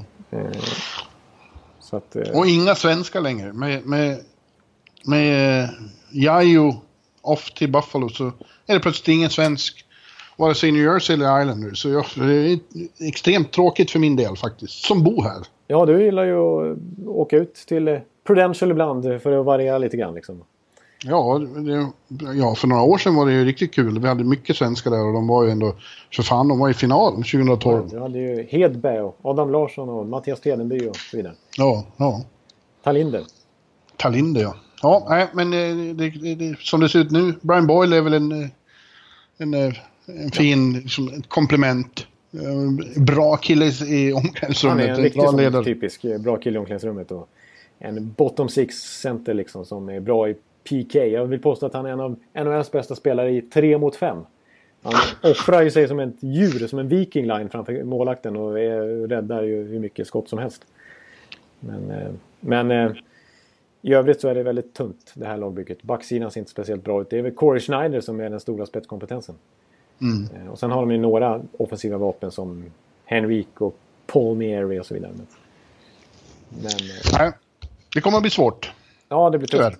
Det blir tufft. Tyvärr. Ja, ja, om jag ska få gissa en värvning, det här kanske blir helt fel när folk lyssnar på det om tio dagar när han skriver på för en helt annan klubb. Men Ray Shero har ju en gång i tiden värvat eh, Jussi Jokinen. Så jag, jag, och Jussi Jokinen är fortfarande kvar på marknaden. Och han måste ju värva någonting för de, de har ju knappt fullt lag just nu. Så att, ja, jag har en känsla av att Jokinen hamnar där i alla fall. Jagger var ju där några år. Kanske är dags för honom att komma tillbaks. Ja, han, trivde, han trivdes ju bra där men det känns inte som... Om man vill vinna en till cup så ska han inte gå till New Jersey i alla fall. Nej. Nej, det kommer att bli väldigt svårt att ta sig till slutspel igen. Nej, det ser blytungt ut. Ja. Deras granne New York Islanders ute i Brooklyn. Eh, eh, vad ska vi säga om dem då? Eh, nej men de är, där får alltså Gart Snow, vad ska vi, vi har haft alla möjliga analyser kring honom de senaste veckorna här. både, det var- både i positiv och negativ bemärkelse. Och eh, han var ju precis som Don Sweeney, en sån här gammal klassisk eh, göra mycket general manager som var helt tyst nästan första juli. Och Ja. tittar man på laget här så är det ju nästan ingenting kvar att göra utan det är bara, de ska bara förlänga med Calvin DeHaan. Sen är det väl i princip eh, dags att förbereda sig för camp. Ja. Och ännu mer förbereda sig för hur man får John Tavares att skriva på ett eh, förlängning av kontraktet Ja, som går ut det- efter den här säsongen. Det är ju nyckeln för dem. Precis, det är ungefär som Carey Price skrev på här nu så kan vi tänka oss att John Tavares kommer kliva över 10 miljoner utan tvekan han också. Ja. Men det gäller att få honom att känna att han eh, får den, den omgivning han ska ha så att de kan ha en chans att göra någonting. För att, eh, det har vi varit inne på länge, att det känns som Tavares är en av de stora talangerna i sin generation och nästan håller på att slösa bort karriären i, i Brooklyn. Ja. Han skulle ju... Shit vad intressant skulle vara att se han gå till Free Agency nästa sommar. Alltså, Ja, herregud. när han får välja och vraka bland vilken klubb han vill. Liksom. Då skulle det bli hugg sexa nu. Då skulle det bli hugg, hugg sexa. Då skulle vi snacka ännu mer än 10 miljoner. Då pratar vi väl nästan uppåt 13 miljoner som någon skulle, klubb skulle kunna slänga iväg på honom. Ja, men det känns som det, det tillåts ju aldrig att den sortens spelare hamnar i Nej, precis. eh, free agency. Signalerna som jag har förstått det från Islanders är väl att de är rätt så hoppfulla ändå om att han ska stanna kvar. Han trivs ju bra. Verkar det som. Ja, han är ju väldigt tålmodig och lojal. Ja, precis. Och han har ju ett otroligt kontrakt det som han har just nu. Alltså bara drygt 5 miljoner. Han har väl varit den, den Sex spelare... kommande åren. Ja. Eh, Men jag tror capiten är under 6 miljoner faktiskt. Ja, capiten är 5,5. 5,5. Och det är ju, han har ju varit så, det har ju varit ett helt fantastiskt kontrakt eh, med tanke på hur länge han har varit bra. Ja. Så att, eh, men, så det är väl den stora frågan. Det jag tycker är spännande, då, nu har han ju fått Jordan Eberle som vi var inne på förra veckan.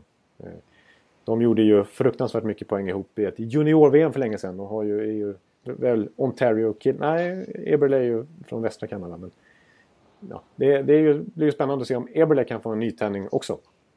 Ja. Men, eh, ja, vi får se vad som händer med honom. Ja. Han är... De har ju provat många eh, för att vara liksom Tavares lekkamrater. Ja. ja. Alla kan man säga som har tillhört organisationen har ju spelat med Tavares höll jag på att säga. Någon gång. Men, eh, men jag tycker det, känns eh, hyfsat spännande jag, man var ju lite besviken på den här Ryan Strome-generationen. Eh, som skulle komplettera Tavares. Eh, Brock Nelson har väl lyckats bra och Anders Lee gjorde ju 34 mål förra året. Eh, men eh, nu är det ju en till Islanders våg på gång som känns jättespännande med Josh Ho-Chang. Som ju var... Ja, våran favorit från... eh, vi såg ju dem några gånger. Ja. Och blev väldigt förtjusta i honom. Han var ju typ eh, bästa spelaren på isen i de matcherna. Ja, roligast att titta på. Ja, precis. Ja, åtminstone det. Och så har man ju en, eh, några, jag menar, Anthony Bouvier lyckades ju ta en plats förra året och eh, gjorde det bra och eh, lär ta ett steg till kommande säsong. Precis som att Matt Barzal verkar vara, få en gjuten plats eh, om man övertygar på campen också. Också en jättespännande ung forwardcenter. Så att eh, jag tycker... Och så backsidan är ju, är ju bra. Alltså det är ju de här unga killarna där också. Ryan Pullock och så vidare. Så att jag tycker... Och så Grice och Hallack i kassen. Jag tycker... Ja, jag, jag, alltså, trots att det är en jättetuff Metropolitan-division så utesluter inte jag att eh, Islanders faktiskt tar ett kliv till och går upp på slutspelsplats i år igen. Ja, vi får se. Det är ju det att det är jävligt eh, tuff eh, division. Mm. Och jag hävdar att deras, deras verkliga granne, deras ärkerival, deras fiende inne på Manhattan, New York Rangers, Ja. har blivit bättre i ett slag än vad de var alldeles nyss. Ja. Eh, dels, så, ja, de, de, de bärgade ju kanske inte helt oväntat då eh, eh, Free Agency eh, Big Fish. Big Fish, ja. Gammelgäddan själv. Eh, Kevin Shattenkirk. Ja. Eh, och på ett, på ett, får man säga, förmånligt kontrakt. är, framförallt är ju bara fyra år, är väldigt bra. Ja. Och eh, på 6,6 i cap hit. Eh, och eh, framförallt var det ju så att han, han hade bättre bud från andra klubbar då. Till ja, exempel Jersey. Men ville så otroligt gärna till, till New York. Var, han är uppväxt här och Rangers var hans favoritklubb när han växte upp och så. Så att han lämnade pengar på bordet och säger att det finns annat än pengar. Jag skulle inte kunna leva med mig själv om jag tackar nej till Rangers. Det är ju det är... Eh, förbryllande. Sånt hör man ju aldrig. Nej, det måste ju vara fantastiskt för Rangers-fans och Tobias Pettersson att få höra sånt. Liksom. ja. det, det förekommer ju inte i denna NHL-värld vi lever i idag. Nej, Där, och eh, det är ju också anmärkningsvärt att Rangers eh, hanterar situationen på det sättet. Är det någon klubb som är ökänd för att vräka för mycket pengar och term över free agents så är det ju Rangers. De har ju varit ett, ett, en pajasklubb på det sättet i många, många, många år. Ja, exakt. Och, men eh, Jeff Gorton är, är, är, skickligare på det här med cap hit än, än vad föregångaren Glenn Sader var. Ja, det är ju en otrolig skillnad på ledarskap just nu kan man säga. Ja, det är det. I, i förhållningssätt. Och det är ju inte så att Kevin Shattenkirk himself bara plötsligt gör eh, Rangers till en contender igen. Men, men i det här sammanhanget där de ju faktiskt har rensat lite och tagit bort Girardi och, och de blir eventuellt av med Kevin Klein och bara där blir de ju, tvingas de ju föryngra sin backuppsättning då. Och där finns ju liksom talang och, uh, och potential. Mm. Uh, de har också resignat uh, Brendan Smith då. Och ja. Med Shattenkirk som ger dem dimensioner som de inte har haft på decennier, framförallt i powerplay då, eh, så ser det plötsligt eh, jävligt mycket, mycket, mycket bättre ut på backsidan. Ja. Eh, än förut. Eh, vad de inte har är, de trailade ju bort eh, Step då. Ja, det kallar man för Step. för, för att få utrymme, mer utrymme, och det har de ju ganska gott om nu. Eh, men de har kanske ingen riktig första center. De ska resigna Mika på RFA och, och eh, Kevin Hayes då. Mm. Det är de som ska i, i nuläget vara första center, andra center. Så kanske JT Miller blir, blir, flyttas in som center igen. Men mm. ja, de, de, skulle behöva traila till sig en, eh, en center. Vi får se. De har som sagt utrymme och kanske, eh, om inte annat så under säsongens gång så har de för en gångs skull manöverutrymme och kan knyta till sig något. Ja, precis. För det känns ju trots allt lite grann... Alltså jag gillar... Jävlar vad jag pratar nu. Ja, men det var bra. För så där kan jag hålla på ibland. och så somnar folk. Ja. När, jag, när jag håller på sådär. Men eh, jag tyckte det var bra. Eh, jag håller med där om, om centersidan också. På det viset så var det väl lite oväntat att man tradade bort Stepan. För att länge, när vi har pratat om Rangers har vi ofta tyckt att kanske centersidan har saknat slagkraft jämfört med Pittsburgh och andra contenders, Washington, som de har gått upp mot i slutspel. Ja. Och nu tränar man bort Stepan. Och visst, det här var ju sista året, eller sista dagarna innan första juli här när hans eh, no trade, no movement-klausul skulle kicka in. Då hade man inte haft samma möjlighet att skicka bort den. Så att man passar på att göra det nu med tanke på att han kanske inte har hundraprocentigt levt upp till sin eh, första centerlön och roll. Även om han inte varit dålig på något sätt. Det är ju en jättebra center liksom. Ja, men det är inte, det är inte eh, högsta elitklass. Nej, det är faktiskt inte. Och, men det, det, märks ändå nu att han är borta, som sagt, som du är inne på. Och även Oskar Lindberg som vi var inne på förra veckan är ju ett tapp på centersidan.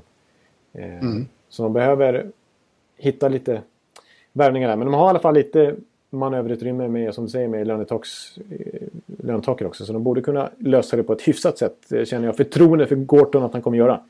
Och de har ju en jag menar förra året, inför förra säsongen var vi så mycket inne på, och in på säsongen också med tanke på hur det såg ut eh, under stundom i alla fall, att forwardsidan är väldigt bred. De har ju många vapen.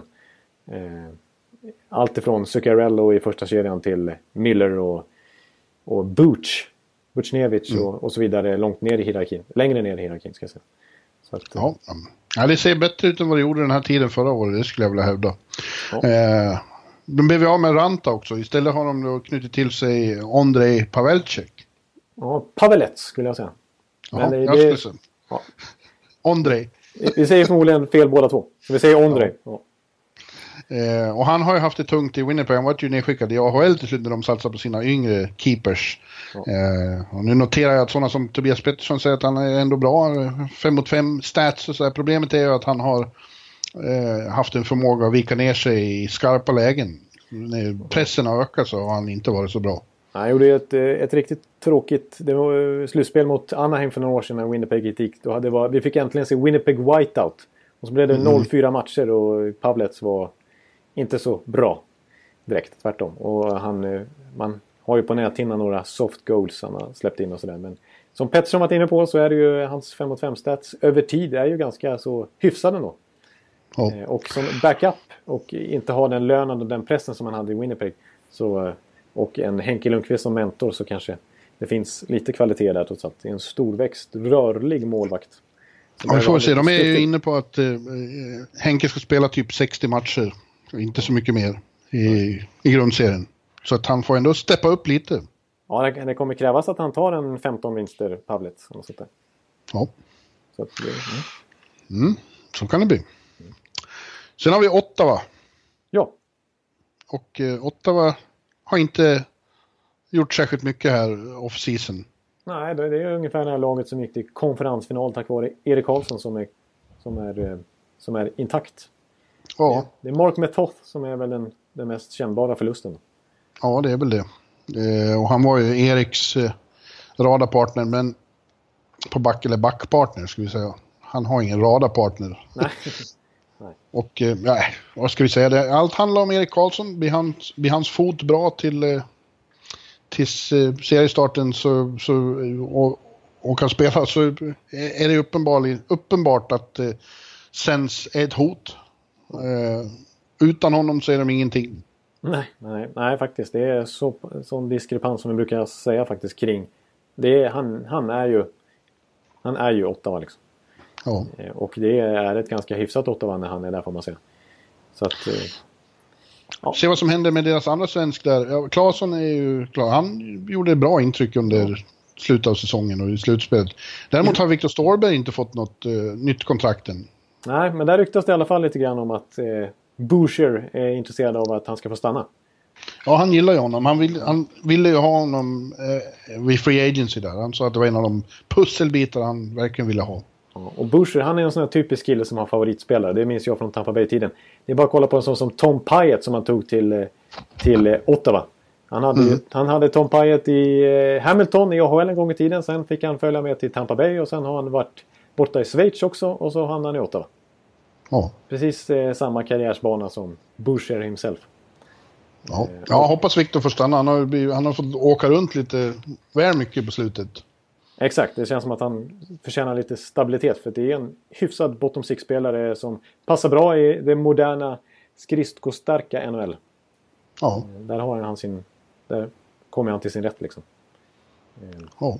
Sen, eh, sen apropå Boucher och favoriter så har en, den, den, den stora värvningen, det är ju ingen stor värvning men en av få värvningar de har gjort är ju Nate Thompson. Som är center, en Boucher-favorit. Kallades för Nate Boucher i Tampa Bay. för att det Ja. var liksom en riktig sån, eh, det var också en sån här Boucher-favorit. En habil fjärde center. Good in the room. Bra på tekningar. Så att det, det passar ju Boucher det också. Ja. Ja, det intressanta där blir ju också att se hur... Vi minns från Tampa att andra säsongen så är det inte lika kul att spela det där strikta systemet. Nej. Då ser man ly- lyckas få dem att hålla fast vid det.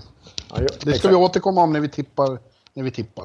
Vi ska Ja. inte se för långt fram här. Vi ska se bakåt. Ja, precis. Och jag säger en sak till innan vi lämnar också. Det är att de har ju faktiskt två supertalanger på gång. Dels Colin White som fick lite speltid i slutspelet som jag tror tar en plats från start här. Och så Thomas Chabot som ju är, man hoppas lite grann blir en ny mini-Erik Karlsson. Han har varit dominant i JVM och juniorligan där borta i, Q, i Quebec. Och han lär väl ta en plats nu också. Han ska bli underhållande att se. Ja. Sen har vi regerande mästarna, Pittsburgh Penguins.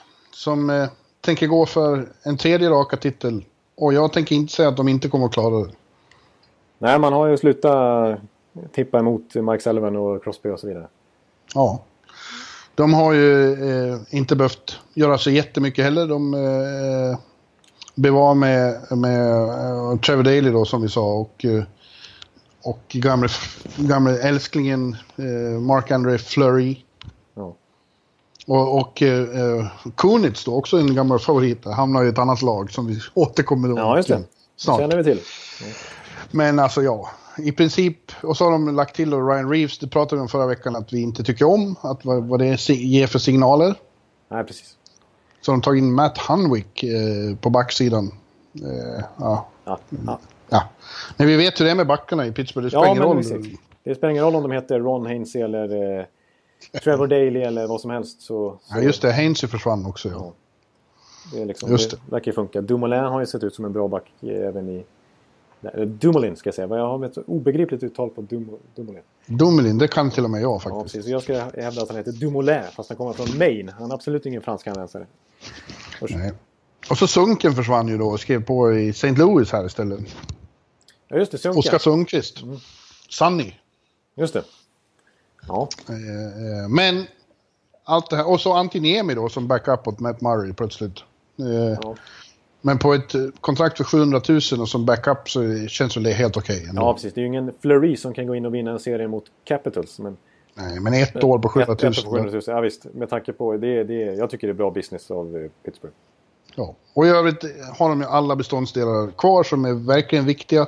Eh, Och Letang kommer att vara redo att spela igen. Eh, Det är klart Pittsburgh kommer att vara ett svinbra lag igen. Ja. Det enda som stoppar dem är ja, konkurrensen hårdnar och att de har spelat extremt mycket hockey nu i några år.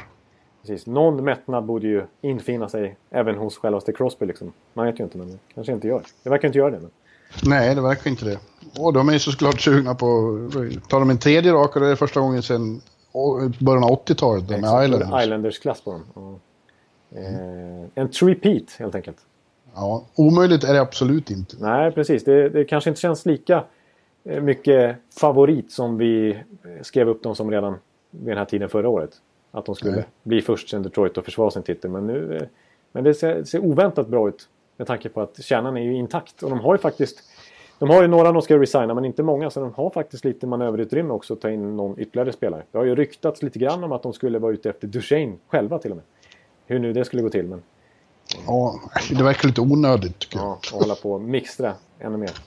Ja. Nej, men det, det, det ser liksom... Det ser, de har ju... Menar, och med tanke på att lönetaket har höjts år efter år så har ju plötsligt Crosby och Malkin fantastiskt bargain-kontrakt alltså.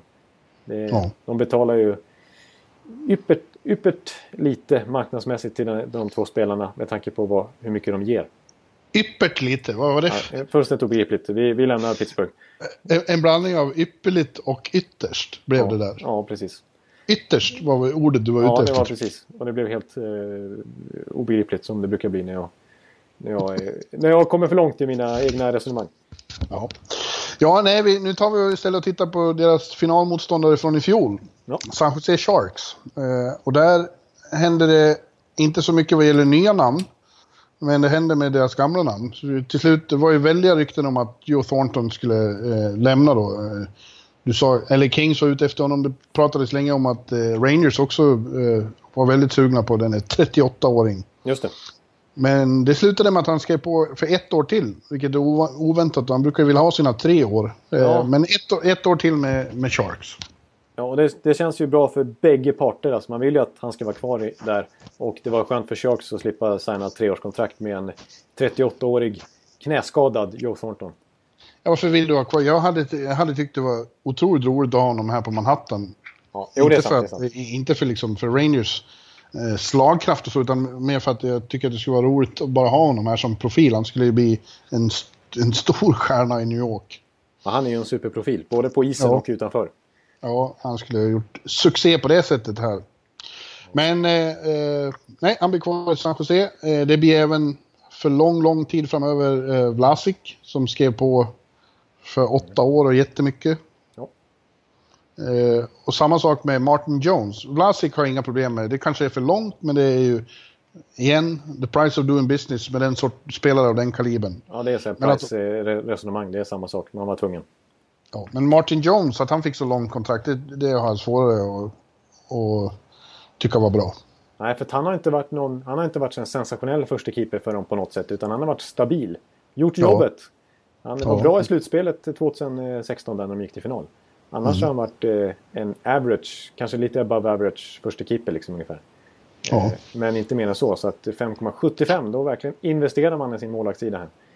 Eh, och visst, det känns, jag känner mig hyfsat trygg med Martin Jones. Men det är, är ingen som vinner Stanley Cup åt dem på egen hand på något sätt. Utan, Nej. Så att, eh, jag tyckte det var lite överdrivet. Alltså. Då hade jag nästan velat släppa honom och gå efter någon lite billigare alternativ. Faktiskt. Det som återstår är att se vad som händer med Patrick Merlot. För han är också UFA och det har gått rykten om honom också då att han är på väg bort. Ja. Eh, oklart var. Vi vet fortfarande inte något om detta. Nej, när vi spelar in det här så har vi ingen aning. Det här har ju ryktats om i större grad än Thornton att han faktiskt är beredd att byta miljö. Det var ju, han eh, lämnade in en trade request 2015 som det inte blev någonting av. Men han har ju tidigare yppat att han, nu, nu, nu använder jag ordet yppat, att han kan tänka sig att lämna Mm. eh, Bay Area. Ja. Du, jag ser förresten apropå eh, Price då. Att det också, hans kontrakt, precis som ett av de stora igår, om det var Shattenkirk eller vad det var. Det är så här inbakat en protection mot eh, eh, lockout om några år Ja, det, okej. Det är som att alla är redan inställda på det blir lockout. Det är ju för jävla sorgligt. Och så. Vad är det för, är det för verksamhet de driver här? What kind of operation are you running here, Mr. Bettman? Exakt, att Ja, man räknar ut med att det blir strejk från spelarna om några år. Att man vet att det blir så.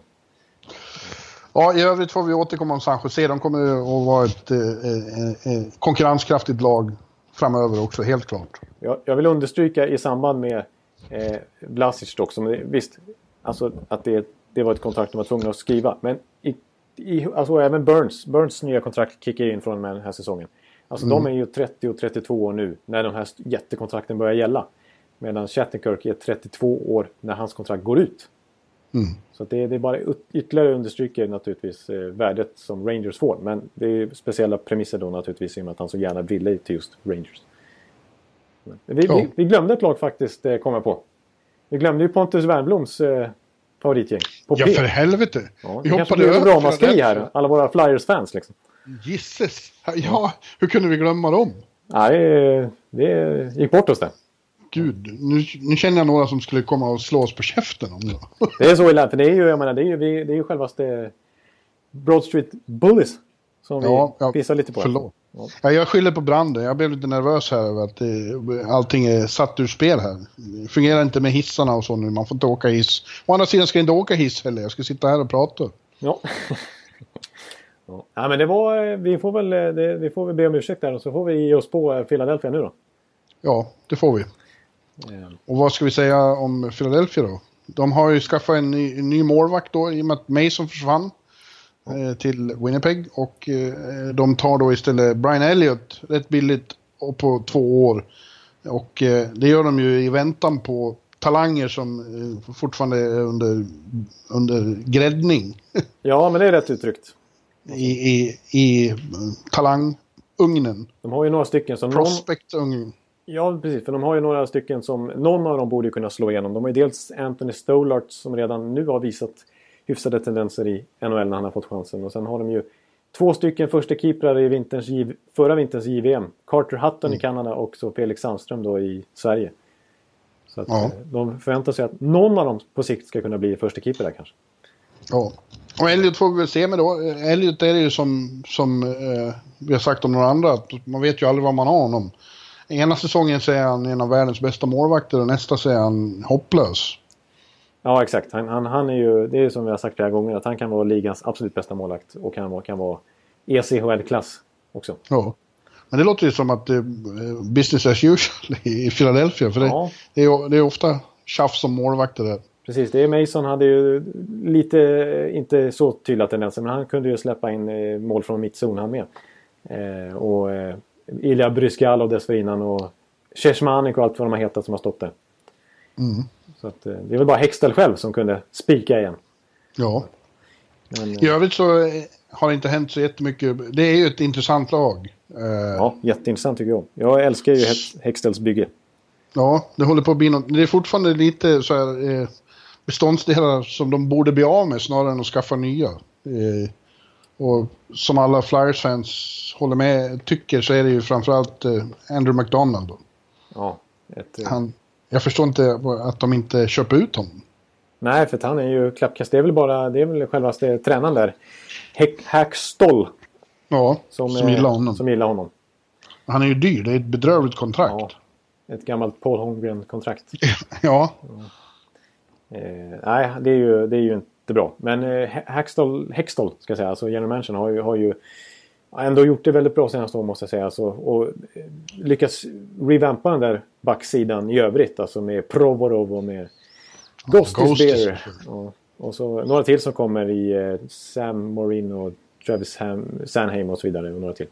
Jag glömmer säkert att nämna några stycken. Så att, eh, och på forwardsidan ytterligare, jag menar de fick ju en skänk från ovan och få Nolan Patrick liksom. Ja. Som förmodligen tar en plats direkt. Visserligen eh, lite oroväckande att han har fått operera sig här igen. Och missade ju development camp. Eh, och, eh, men han ska vara redo för säsongstart sägs det. Och så kommer ju Oskar Lindblom som ju var SO, pris som SHLs bästa forward den här säsongen, född 96 bara. Och eh, de vann ju en eh, dragkamp om en college-spelare i slutet av förra säsongen där, Vecchione. Mm. Vecchione är ju ett väldigt gångbart namn i Philadelphia måste jag säga också. Lite såhär maffianamn.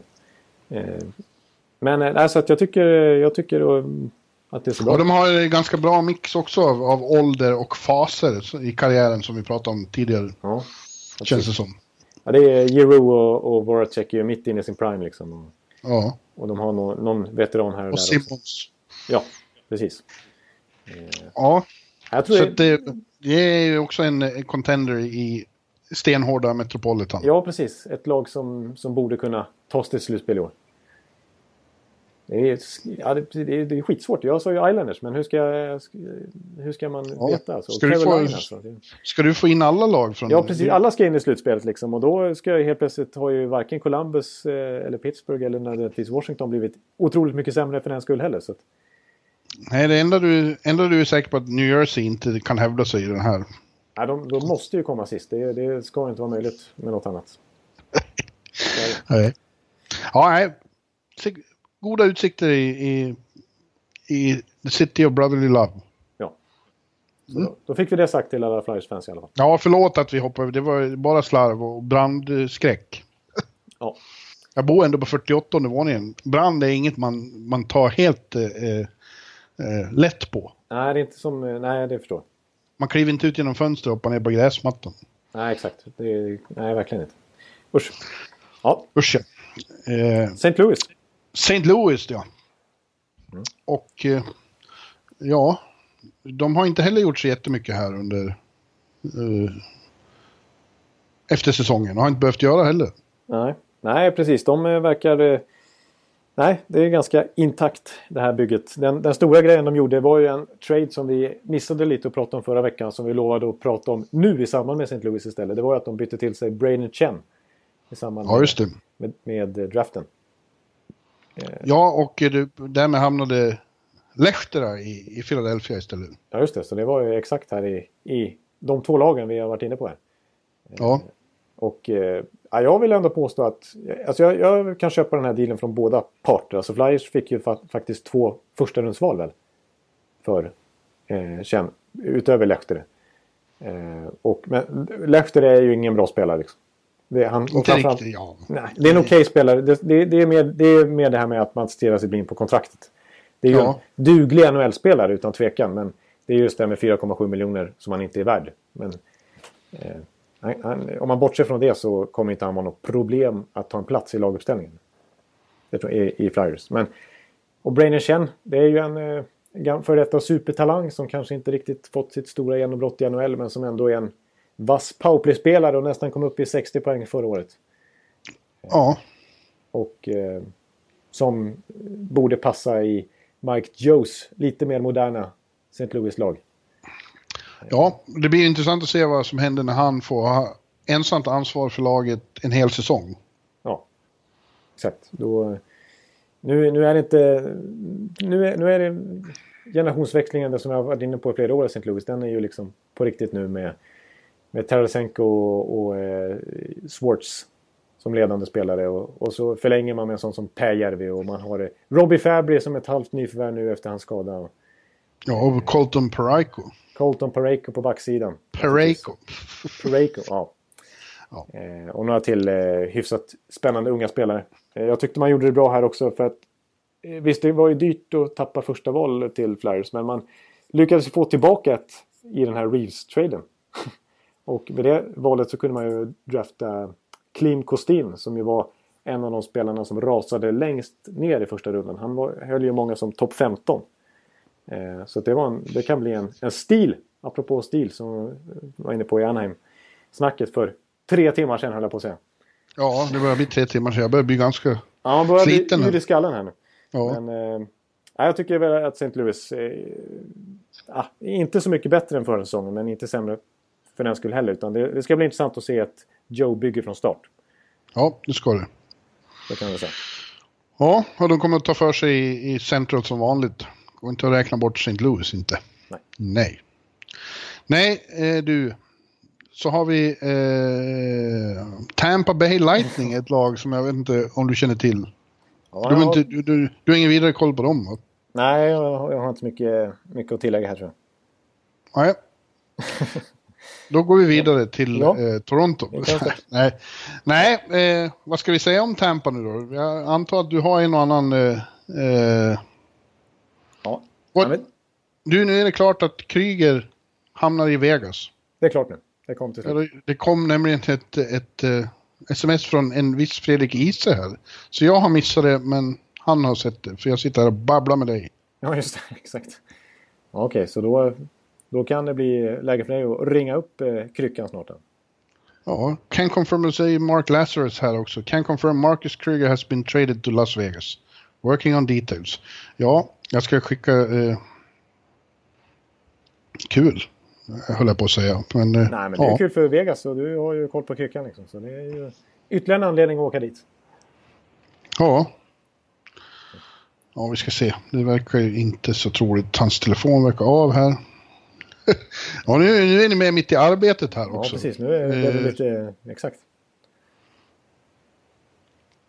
Vi får se. Ja, prata på du om Ja. eh, Tampa. Vi är Ja. inne på ditt favoritämne. Jag, får försöka, jag ska försöka fatta mig kort och, och lite mer specifikt än vad jag brukar göra kring Tampa Bay. Så, inte folk, så folk orkar med det här. För att, eh, jag brukar få lite kritik, kritik ibland när jag eh, snör in mig på detta Ja, lag. men nu, nu har vi snöat in oss på allting så du tycker du har rätt att snöa in dig. Men eh, låt mig bara säga att eh, eh, de är inte riktigt lika bra som de kändes den här tiden förra året.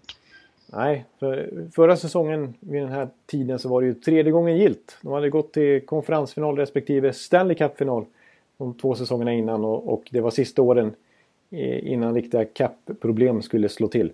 Eh, nu som var. Och när man lyckades förlänga med både Stamkos och Kutjerov. Det kändes otroligt positivt. Men eh, missar slutspel och Stamkos går sönder. Och... Ja, Ja. allt möjligt gick fel och Kutjerov var ute och svingade efter säsongen att det inte var tillräckligt motiverade spelare och samma linje var ju Strålman inne på. Eh, Ja. Under hela vintern. Och eh, man pekade ut spelare som Killorn till exempel. Som inte hade samma motivation och ettrighet som man är van vid. Ehm, och eh, nej, jag håller med just. Eh, jag är inte helt nöjd med vad Steve Eisenman har sysslat med här. Kan jag inte påstå. Alltså, man har, om man kollar vad som har ramlat ut så är det ju Drouin till exempel och Jason Garrison. Eh, och Ja. de stora pusselbitarna in är ju Sergachev köper jag. Det är jättespännande. Framförallt på sikt. Men så är det alltså Kunitz som jag också köper till viss del. En bra veteran som ju eh, ger Tampa Bay mer djup, vilket de behövde. Och, men så är det ju då naturligtvis det här mest ifrågasatta kontraktet. Kanske hela denna free agent eh, dag, första juli. Det var ju Daniel Girardis tvåårskontrakt. Värt Mhm. 3 miljoner per säsong. Eh, och eh, ja, alltså kollar man på Alltså underliggande siffror framförallt så är det ju, är han ju en av de sämsta backarna i, i ligan faktiskt. Det är ju så illa.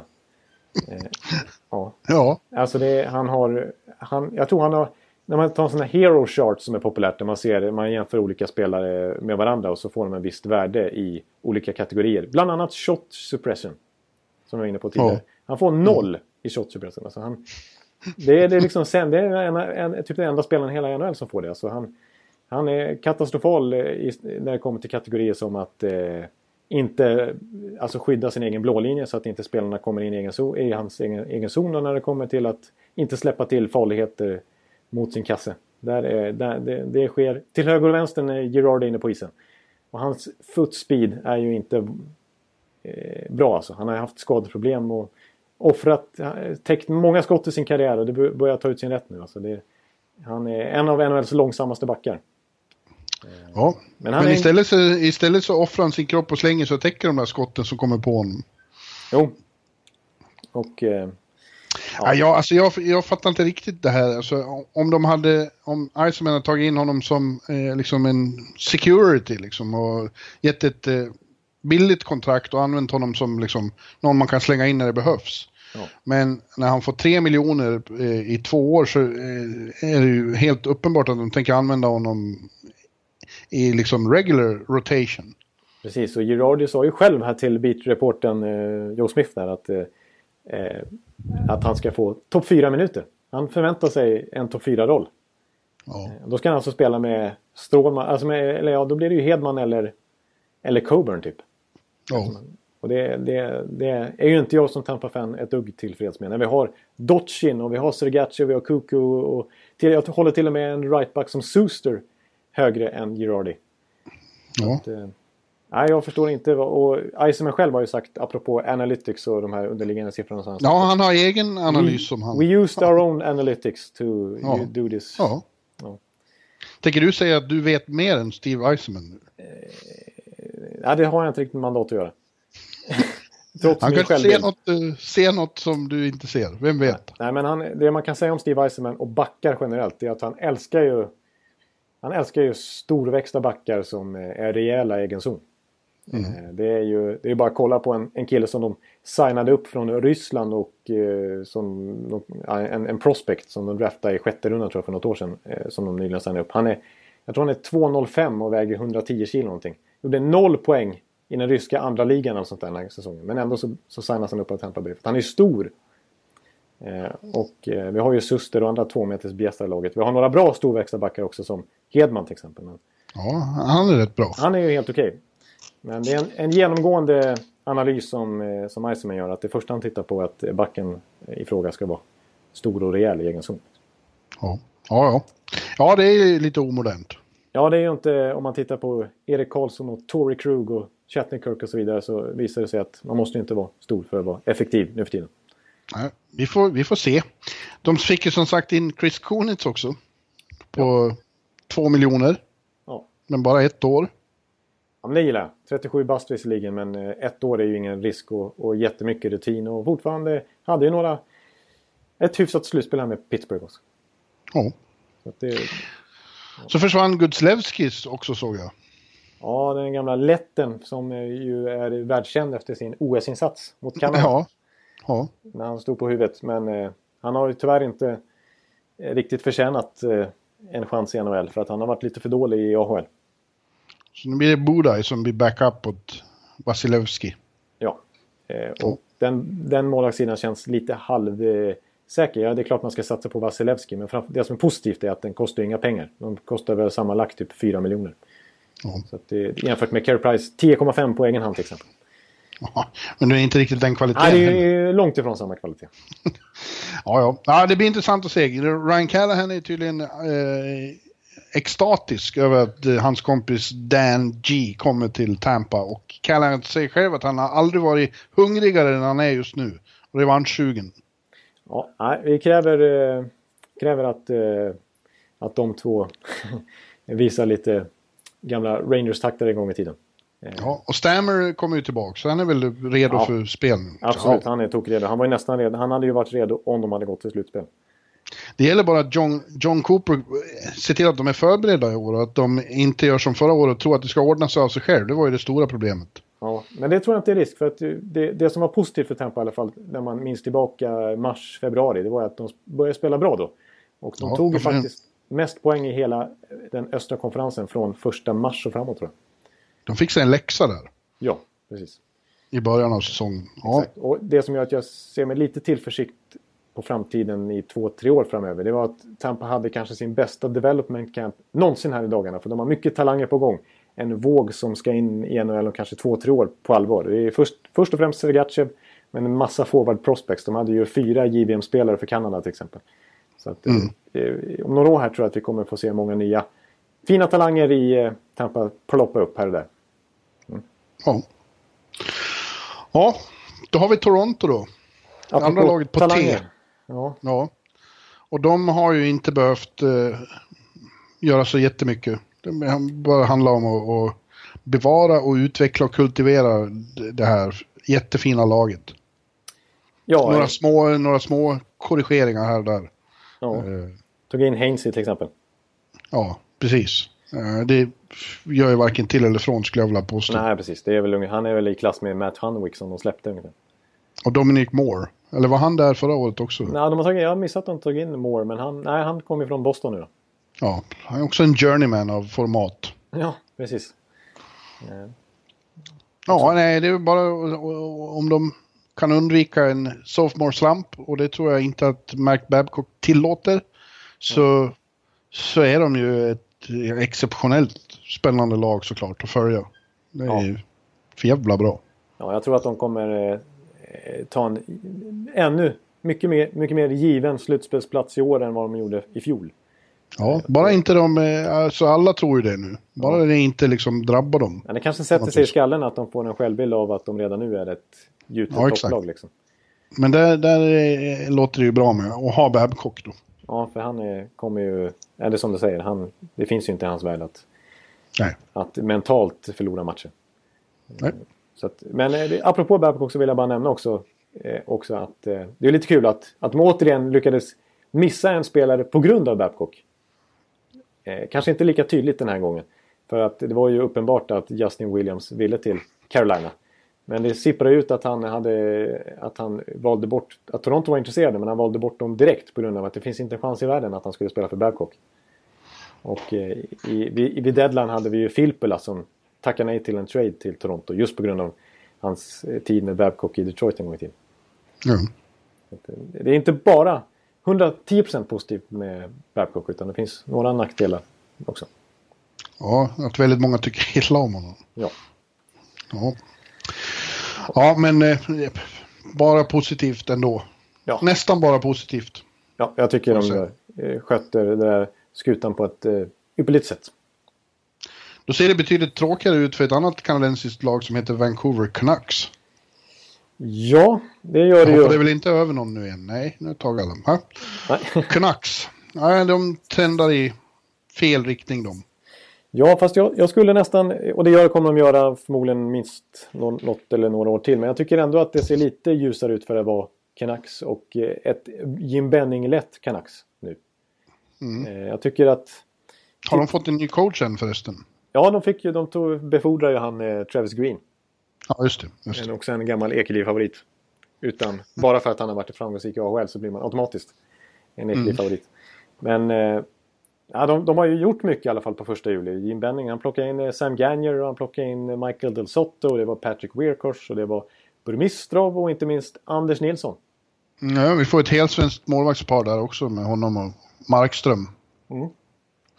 Men ja, jo, visst. Men ingen av dem du nämnde tycker jag känns som någon uh, game changer heller.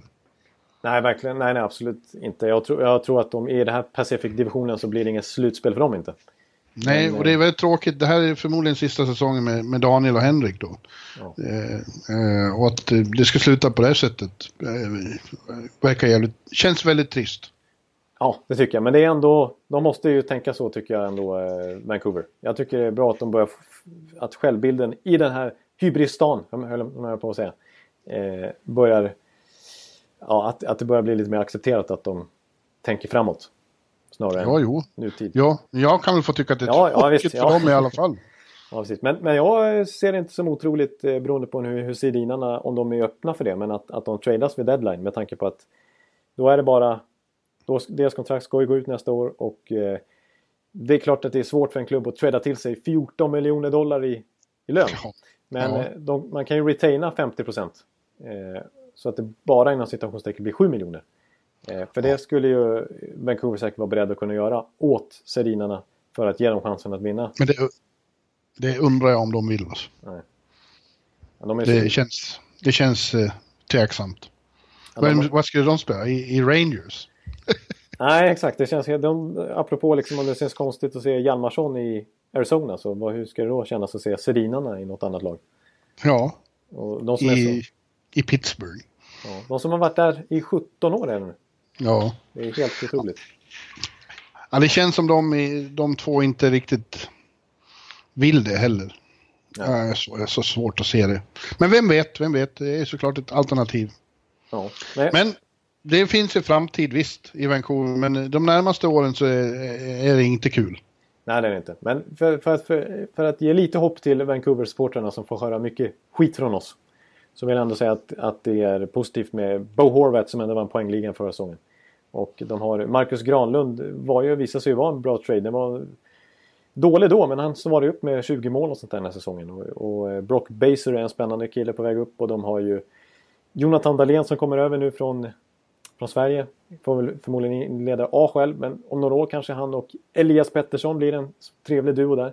Och de har ju Olli Julevi som är en otroligt spännande finsk back på gång också. Eh, så att jag tycker ändå, och de har inte så många jättedåliga kontrakt de sitter på längre så att eh, jag tycker att, eh, att det börjar vända lite grann, eh, deras trend. Eh, inte att de är på väg uppåt redan nu men att det finns ett ljus i tunneln i alla fall. Ja, ja. ja. ja. Om du, if you say so. Ja, det ska man inte tro så mycket på kanske men eh, jag påstår det i alla fall. Fint. Ja, sen har vi för första gången någonsin eh, ska vi titta på ett lag som heter Vegas Golden Knights också. Vi måste gå igenom dem. Eh, ja. Svårt att säga något om säsongen som har varit eftersom de inte fanns då. Nej, det är inte så mycket slutsatser kring det faktiskt. Men nu ser vi alltså att de har tagit Kryger också. Ja. Och eh, ja, vi har redan konstaterat det. Det är ju det är ett litet hopskrap typ. Men eh, helt okej okay ändå. Liksom. De, behöver, de kommer ju att trada bort ytterligare några backar behöver de väl göra. Ja, de eh. samlar på sig en hel hord. Ja. De har lyckats bli av med ett antal nu. Jemelin här senast då. Men det finns ju... Det är väl helt okej okay ändå. Så James Neal och... och Marchessault och Riley. Marchessault som Oskar Lindberg, William Karlsson och Kryckan och Erik Haula och, och Perron och Cody Ekin och Chipachov och... Och, och Nate Smith är där bak och Fleury i kassen. Och... Ja. Och Shea Theodore. Ja, det kommer ju inte bli något slutspel på en gång, men de kommer ju... Ja, kommer inte vara så dåliga som expansion-lag var förr, känns det som. Nej, precis. Och jag tror att det att de har... Alltså man kollar på... Om man jämför alla ligans bottom six, alltså de tredje och fjärde serien, så är väl Vegas ett topp. En toppklubb på just den fronten. För det är just den typen av spelare de har kunnat samla i i horder. Men eh, ja. sen är det klart att för att ta sig till slutspel måste man ha en ruggig spets. Så där kanske de saknar lite grann. Men, eh, men jag tycker ändå att jag tror Vegas kan, inte kommer sluta sist. Utan eh, jag tror att de kommer... Ja. Nej, vilka kommer att sluta sist då? Ja, det är frågan. Men Devils ser inte så, så, spännande ut. Och Colorado tycker jag inte ser tillräckligt spännande ut heller. Så att... Nej, du menar så. Jag trodde du menade i Pacific. Ja, i Pacific så... Eh, ja, ja, det är möjligt att de slutar sist där ändå. Ja, Vancouver då. Ja, men de precis. är ju så bra ja, enligt det. Ja, precis. De är ju så fantastiska. Nej, men det är möjligt att, att Vegas faktiskt klättrar sig förbi Vancouver. Ja, det ska bli jävligt kul att följa i alla fall. Ja. Eh, första matchen i, i T-Mobile Arena, då blir det alltså Kryger mot Hjalmarsson. det är just ju det. speciellt. Just det. Just det. Oväntad ja. Eh, matchup direkt. Ja. De gamla Chicago-ikonen nästan. Ja. Jaha. Då har vi President's Trophy-killarna i Washington också då. Ja, då är det Tudsons lag. Ja, och ja, eh, ja jag eh, höll på att säga att jag har gett upp. Men nu, nu tror jag inte på Washington mer. Det kanske är bra det. Ja, det är nog alla Washington-fans alldeles lyriska över. Att, eh, att skriva ner dem lite grann. Skriva ner och skriva ner. Men det är fortfarande ett jättebra lag. Ja, men inte riktigt lika bra som i fjol. Nej, de har blivit lite brandskattade nu som de flesta lag ändå blir i denna lönetaksera. För nu, nu gick de ju in i, i den capväggen här när det var helt omöjligt att förlänga med spelare. De har ju fått släppa Shattenkirk och de har fått släppa Alsner, vilket de kanske inte är så ledsna över. Men Justin Williams och... Eh, och Nate Smith. Nate Smith gratis då naturligtvis. Det var ju tungt. Tre backar borta. Mm. Eh, Ja, sen har de ju, fick skriva det jättekontraktet med TJ Oshie som kommer att bli jobbigt så småningom, men som är bra nu. Om man bara kollar på den här säsongen som kommer naturligtvis, om vi bara skulle liksom titta, fokusera på det, så är det naturligtvis jättepositivt att de fick behålla honom. Men det är ju det är också the price of doing business. Åtta års kontrakt för en 31-åring, liksom. det, det är inte bra. Nej. Nej, men eh, så är det. Så är det. kommer köpas ut sen efter lockouten, eller hur, Ja. hur, hur de sa här. Skickas till Seattle, Ja, kanske. Eh, Orlov förlängde de med också. Ganska dyrt. De har inte kommit billigt undan här, men Orlov tror jag på. Så att jag har inga problem med det kontraktet alls. de kommer vara med och svinga, men eh, säg ingenting om slutspelet som vanligt. Nej, precis. Nej, precis. Exakt. Det är ju där, det är där deras säsong börjar på riktigt. Ja, Eh, Vi kan ju bara nämna också att de har kvar att signa RFAs som Yevgenij Kuznetsov och Andrei Burakovsky och Filip Grobauer här. Så ja. de har en hel De- del att göra kvar. De har också kvar att förlänga Barry Trotts kontrakt. Jag tror att det är lite press på honom här att leverera. Annars eh, så blir han ersatt av någon. Trots, eh, han har väl två raka President's Trophy-vinster här. Trots att han trots har det. Ja, ja, just det. Det var nog omedveten. ja, just det. Just det. Ja. Mm. Ja. Men eh, eh, jag vill säga så här att något som jag tycker är lite intressant i alla fall med, med, Washington här, eller som är lite roligt i alla fall i svensk väg, det är att vi får förmodligen se två SHL-bekantingar i line-upen i höst. Eh, som inte var det nödvändigtvis den gångna säsongen. Det är dels Jakub Vrana från, som vi slog igenom i Linköping, Tjeck. Eh, som de valde i första rundan för några år sedan. Och då AHL-succén Christian Jos. Eh, per Ja. Jos son. Ja, Som, eh, det är dags. Ja, som gjorde 58 poäng som back den här säsongen i, eh, i eh, AHL. Det är ju en liten eh, Torrey Krug-kopia nästan. En liten, liten back. Men eh, med ett spelsinne som sin farsa. Eh, och eh, som lär få chansen nu när de ändå har hål att fylla på backsidan. Och inte så mycket löneutrymme att ta in andra spelare. Så då är det perfekt att plocka upp en rookie. Som, eller liksom en, en billig spelare som Jos. Tycker jag i alla fall. Så jag, jag ser framför mig att han får en chans från start. Den här säsongen. Ja. Ja, hörru du, Det är bara ett är lag du kvar. kvar? Ja. Då är, det bara, då är vi framme vid 31 laget. Hade det här varit i fjol hade vi varit klara nu, men Ja. vi har ju 31 lag nu. Jag undrar hur många lyssnare vi har kvar nu. Ja, För, kan man verkligen för fråga att sig. vi, när vi började spela in, då var klockan 18.00 här hemma i Sverige och nu är den 21. Ja, men det var lite avbrott för brand... Ja. Brandlarm och brand- kisspaus har vi haft och sånt där. Så. Ja. ja, men nu är det bara Winnipeg kvar. Ja. Och vad ska vi säga om Winnipeg? De har inte heller gjort så jättemycket. Har behövt göra. Ja, det är Steve Mason då som har kommit in som, som eh, keeper här. Där de redan har två unga i Hutchinson och Helle... Helle Helleback, säger jag. Det är Helleback. olo- ol- ologiskt att han ska heta back när han stavas Y-CK eller något sånt där. och vi är ju, du och jag är ju hopplösa Ja. lallare när det kommer till det här. Ja, fullständigt bedrövliga på, det- på, det- på just på det. Men, men eh, ja, jag tycker ändå det var ju ett stort problem målvaktssidan förra året. Eh, försvarsorganisationen i sig från Paul Maurice sida är jag inte speciellt imponerad av heller. Men eh, för de släppte ju till chanser och mål i mängder. Men eh, de behövde göra något åt målvaktssidan. För att Hellebuck tog inte det steg man förväntade sig. Och Mason är ju inget säkert kort han heller. Han kan, Nej. han kan ha dåliga matcher och han kan ha strulande ljumskar och knän och så vidare. Och rygg. Men, eh, men han har en grym högsta nivå också. Så att, Ja, han har ju det. Ja, de, spännande. de tog in Kulikov ska vi säga också. Vad gäller Kryger förresten så kan jag berätta att det var, eh, han byttes mot eh, eh, Future Considerations. Så det handlade bara om att bli av med hans lön. Ja, det var- en ren offring då. Ja, Men, Ja. ja. jag, jag, apropå Winnipeg, alltså jag sa precis. Kulikov tog de in också. Det vill jag påstå var ett av de sämre kontrakten den här första juli som var. Eh, han hade en bedrövlig säsong i Winnipeg, eller i Buffalo ska jag säga då. Eh, gjorde ju bara, det var ju, kom ju fram som en offensiv back i Florida för några år sedan. Och var ganska hypad då. Eh, men Ja. han är ju också en sån här fancy stats eh, tvärtom mot Darling. Alltså en, eh, en hackkyckling lite grann. Det var därför Florida, med, med eh, Weirier-ledda Florida, tradade bort honom. Och eh, var ju ingen succé i Buffalo heller, så han får ju lämna direkt nu. Och så får han ändå en löneförhöjning. Han, han får alltså 4,3 miljoner per säsong i Winnipeg för tre år. Så det Ja. vittnar ju återigen om Winnipegs eh, dragningskraft. Att de måste ju överbetala grovt här för att få in spelare. För att det är väl nästan ingen annan än Tobias Enström som tycker det är kul att bo där uppe.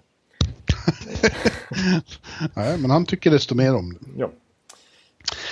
Ja, i övrigt så är jag så trött nu eh, på att prata.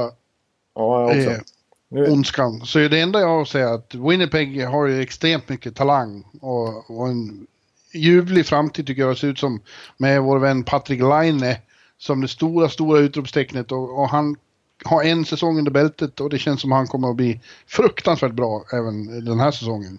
kan han, Och kan han, Kommande tio säsonger, tolv. är en tidsfråga innan vi får se honom göra, spränga 50-målsgränsen. Det kan ske den här säsongen som kommer.